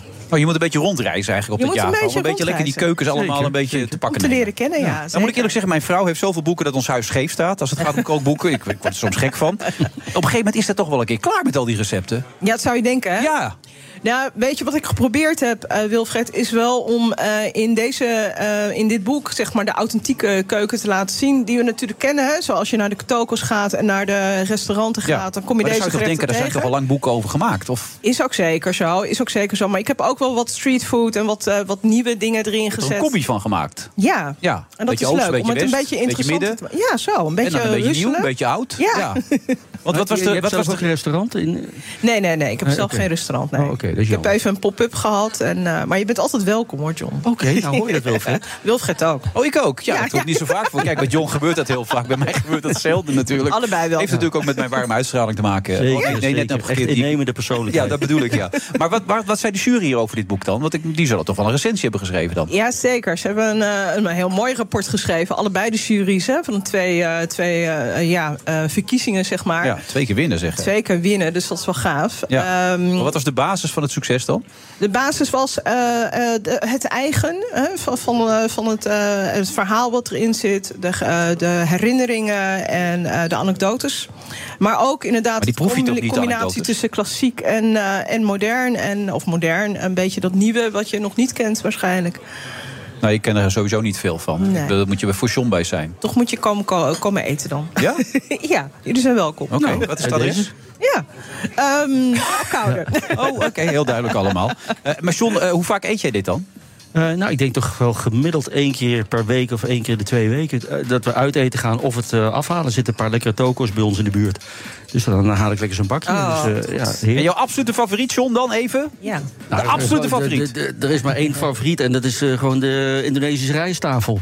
Met eh, hoeveel gerechten waren dat? 14 of zo? Nou Eh, ja, dat is een beetje standaard. 15, eigenlijk, hè? ja. En dan naar meer. Dus dat, eh, ja, Ja. Hoeveel, hoeveel bedienden je hebt, hoeveel gerechten je moet hebben. Heb je ge- ge- wel eens ge- gestoomde kokossambal gehad bijvoorbeeld? Heerlijk. Ja, heerlijk. chewy rijstkoek, heb je die ook wel eens Ja, gehad? ja. Kanten gestoofde een met tamarinde, die dan bijvoorbeeld. Wat dacht je daarvan? Of frisuren, frissuren moet ik zeggen, rundvleessoep. Of, of een omelet met Javaanse Ja. kruiden. En wat te denken van roergebakken taugé. Maar hou jij met, zelf, hou jij zelf van Indonesisch eten? Totaal niet. Nee, totaal Nee, niet. Oh, nou, zijn we snel klaar. Nee, vind ik best lekker. Ja, nee, op zijn tijd vind ik, vind ik dat best lekker. Ik, ik kom uit Friesland en ik moest het allemaal opbouwen. Ja, Ik precies. zie nu ook bij Dat mijn zoontje. Mijn dochter eet alles. Maar mijn zoontje is het net zoals ik als kind. Was dat we eigenlijk niet zoveel dingen aten. En op een gegeven moment ga je de wereld in. En dan ga je het ontdekken. Ja. Ja. En dan ontdek je hoe verschrikkelijk lekker het kan zijn. Oh, mooi. Ja, dus eh, Ja, absoluut. ik neem het boek mee naar huis. Is dat oké? Heel goed, Ja? Heel goed. Graag. weten? Ja, tuurlijk. Is voor jou. Nou, Java. Goed boek hoor. Hey. 150 recepten ook. Niet de minste hè? Nee, zeker. Zeker. Nog meer zelfs. Maar we hebben er 150 opgezet. Nog meer. 150 plus. Maar waarom zet je dat dan niet op dan? Het is een beetje een soort van verrassing. Als je ze gaat, eh, gaat tellen, dan kom je Oh, misschien op de verrassing 150 nu eigenlijk een beetje verknald voor de mensen. Ja, eigenlijk wel. Ja. Dat maakt niet uit. Nou, Marien, dan goed je er was. Ja, dankjewel. Dankjewel. Dankjewel, Oké. Tot ziens. Dag. Kom maar langs.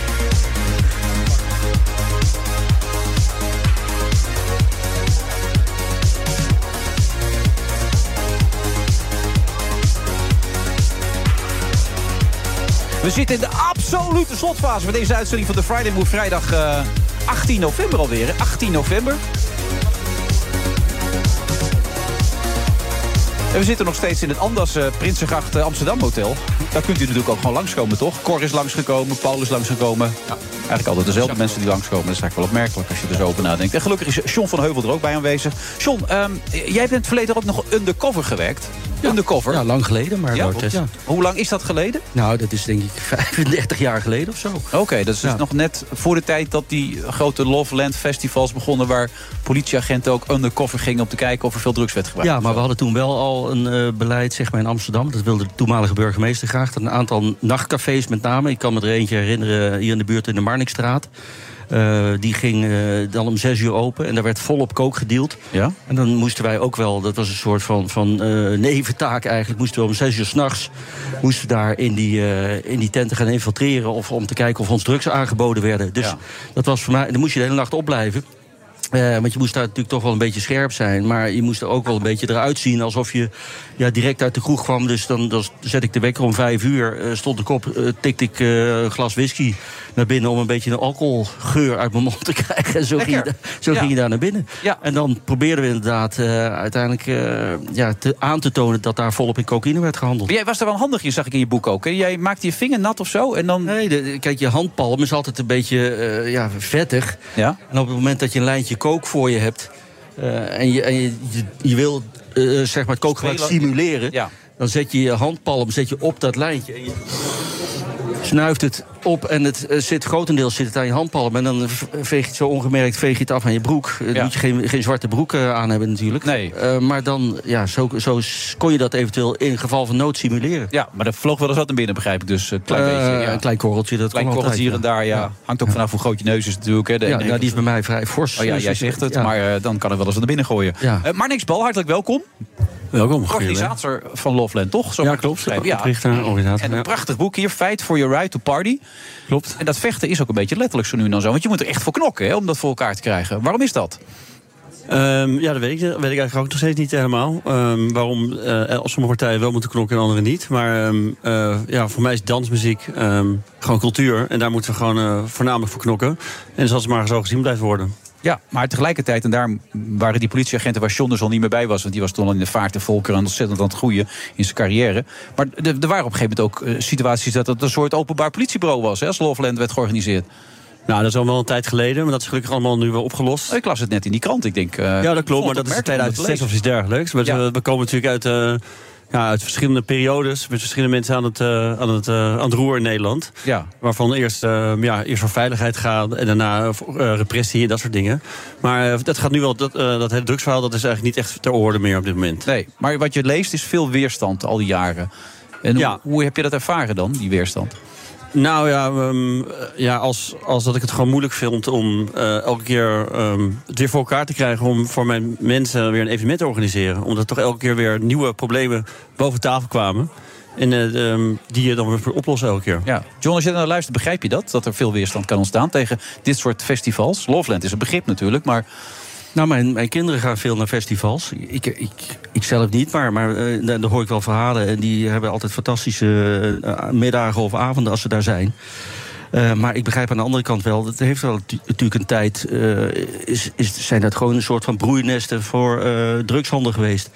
En, en dat op een gegeven moment de overheid daar een beetje naar, met argusogen naar kijkt, dat, dat begrijp ik wel. En ik heb, maar dat is mijn persoonlijke mening, wel een beetje het idee dat eh, organisatoren van festivals pas in een vrij laat stadium ook een, echt een verantwoording op dat punt eh, zijn gaan nemen. Dat het lange tijd een soort van vrije haven is geweest. Nou, dat is absoluut niet waar. Eh, want we zijn vanaf het begin af aan hebben we altijd in overleg met, met de overheid ehm, eh, beleid gevoerd. ik heb het niet specifiek over jouw Nee, dat weet ik. in de algemene zin. Nou ja, dat Ja. denk ik de organisatoren al helemaal niet. Maar eh, ik denk dat het gewoon voornamelijk om. Dat in het boek ook duidelijk beschreven. Dat het om, om een bepaalde image gaat. En een bepaalde dingen die eruit worden gelicht. Waardoor er een bepaald eh, beeld ontstaat in de Er media. is geen sprake van drugsgebruik eh, tijdens festivals. Nou, ja, ik denk dat overal door gebruik van drugsgebruik. Ja, Daar maar dat denk is over te hebben. dat is altijd de standaard Ja, maar dat is sowieso toch?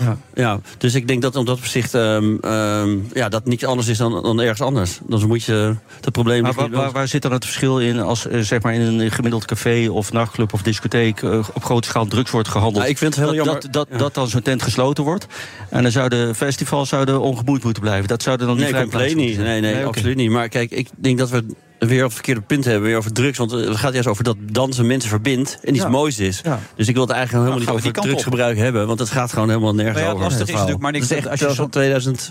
Als je zo'n artikel leest, is dat toch ook weer behoorlijk prominent aanwezig, weet je wel. In die krant die ik net, oh, de Volkskrant is dat volgens mij. Dat het toch behoorlijk zo terugkomt. Dat is het last, lastige er natuurlijk ook van. Maar wat je zegt, aan de andere kant, er is ook voor heel veel mensen heel veel vreugde te beleven. Daar heb je dit boek ook voor gemaakt, neem ik aan. Ja, dat zeker. En dat, dat is gewoon waar ik eh, dit boek ook voor geschreven heb. Om mensen te inspireren. eh, om vooral te blijven knokken. Om mensen te verbinden door middel van dans en, eh, en, en samenkomen. En het is denk ik een, eh, iets wat we echt moeten, ehm, ja, niet moeten kwijtraken in Nederland. En dan helemaal niet in Amsterdam. Om, oh, het zijn eigenlijk fantastische momenten voor mensen. En je hebt ook gezien hoe erg mensen het misten. Toen we het niet konden tijdens corona. En ik denk dat we dat juist extra moeten omarmen nu. En niet minder, maar juist meer van dit soort dingen moeten doen. Wat doet dansen met mensen volgens jou dan? Samenkomen, eh, uitlaatklep, eh, gevoelens, ja, door alle leeftijden, alle achtergronden heen verbinden. Dus het is echt iets fantastisch. En daar moeten we meer, gewoon meer aandacht aan besteden. En niet aan, die, aan de randverschijnselen die worden uitgelicht in media's. Ja, daar ben ik het dus volstrekt niet mee eens, sorry. Want nu ga je, dat is een heel bekend gegeven, ook de, zeg maar de boodschapper de, de schuld geven. De media zijn nu weer de schuld. Maar dat is natuurlijk onzin. Wij berichten over wat er zich op die festivals soms afspeelt. En ik ben het helemaal met je eens. Hè. Ik, ik probeerde net het vriendelijk te verwoorden door ook te stellen dat mijn kinderen daar eh, graag naartoe gaan en veel plezier hebben. fijn. Ja, eh, dus, en ook dat dansen helemaal. eh, maar ik vind dat je ook als organisator van zo'n festijn een verantwoordelijkheid hebt naar de mensen, de jonge gasten, de jonge generatie die daar komt, om die mee te geven dat drugsgebruik niet normaal is. Maar En dat is, is ook dat is ook jouw taak. Ja, maar dat is toch absoluut niet. Want, als je op de evenementen kijkt tegenwoordig, er wordt er bijna, geen- drugs meer gebruikt. Dus Ja, het is- dat- ja. ja, nee, de mensen staan gewoon te dansen.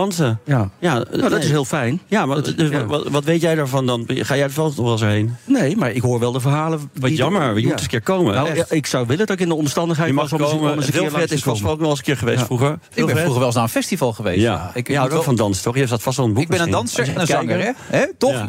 Nee, ik, ik, zing regelmatig met John. Ja, was fantastisch. Ik weet niet of jij danser wel bent ook. John. Kan je zingen, heb ik gehoord? Nou, ik, weet niet of mensen dat willen horen. Je hebt zo'n goed beluisterde show. Als ik, nou, als ik dat nou ga doen, nee. Dat- duetjes zijn onvergetelijk wat dat betreft. Maar, jij wel volgens mij. Ja, precies. Maar even, trouwens, je hebt een probleem met je gehoor, hoor ik net trouwens. Ja, ik ga, ik ga vanavond een plaatje draaien weer eens. Dan is 10 jaar. Dus ik heb 10.000 platen uitgezocht naar 500. En toen eh, ja, waren mijn oren zo overbelast. Het één oor was uitgevallen, ook door de stof van die platen. Dus dat is gelukkig weer een beetje goed gekomen nu. Maar ik moet gewoon even opletten, omdat je ja, toch als organisator ook veel in de muziek staat. Ja. Dus, eh, en heel dichtbij en heel lang. Dus dat was eventjes eh, schrikken. Maar het is wel goed gekomen. Dus ik ben er klaar voor. Maar even eh, de toekomst van Loveland. Hoe ziet het eruit? Je hebt een prachtig boek gemaakt. Voor de liefhebbers natuurlijk absoluut een must, denk ik. Hè? Fight for your right to party. Dat willen mensen heel graag. Hoe ziet de toekomst eruit?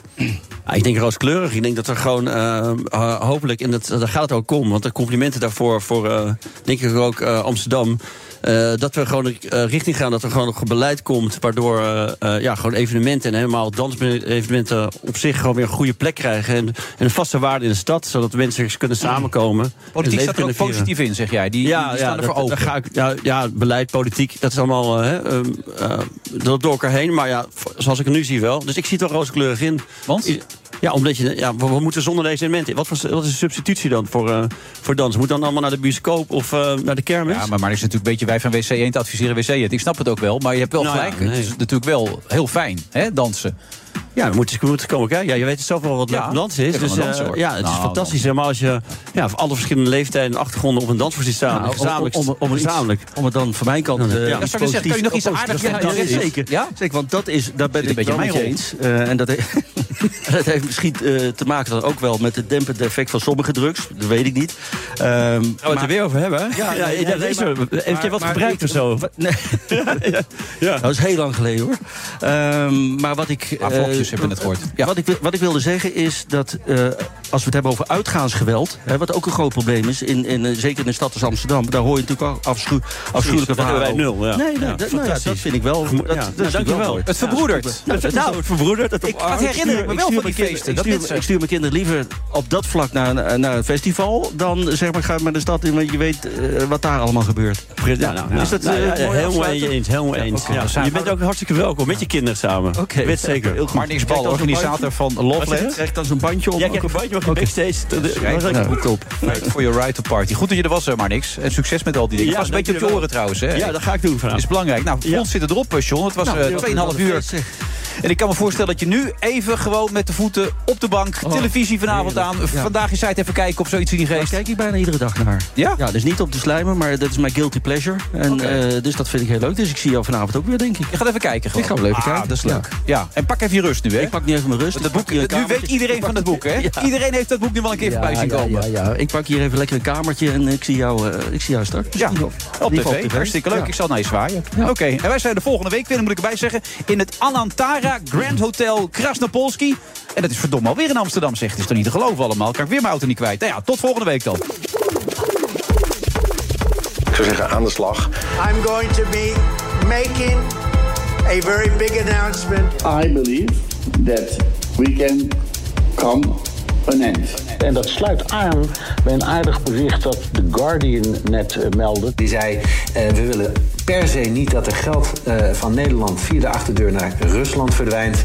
Dus Rusland straks steeds geïsoleerder en dat is natuurlijk heel belangrijk. En tegelijkertijd zou ik tegen mensen in Nederland willen zeggen... wij zijn lid van de NAVO. En er staat ook een silent disco op het programma. Europa moet echt aan de bak. 3, 2, 1. Boosters in ignition. And liftoff of Artemis 1.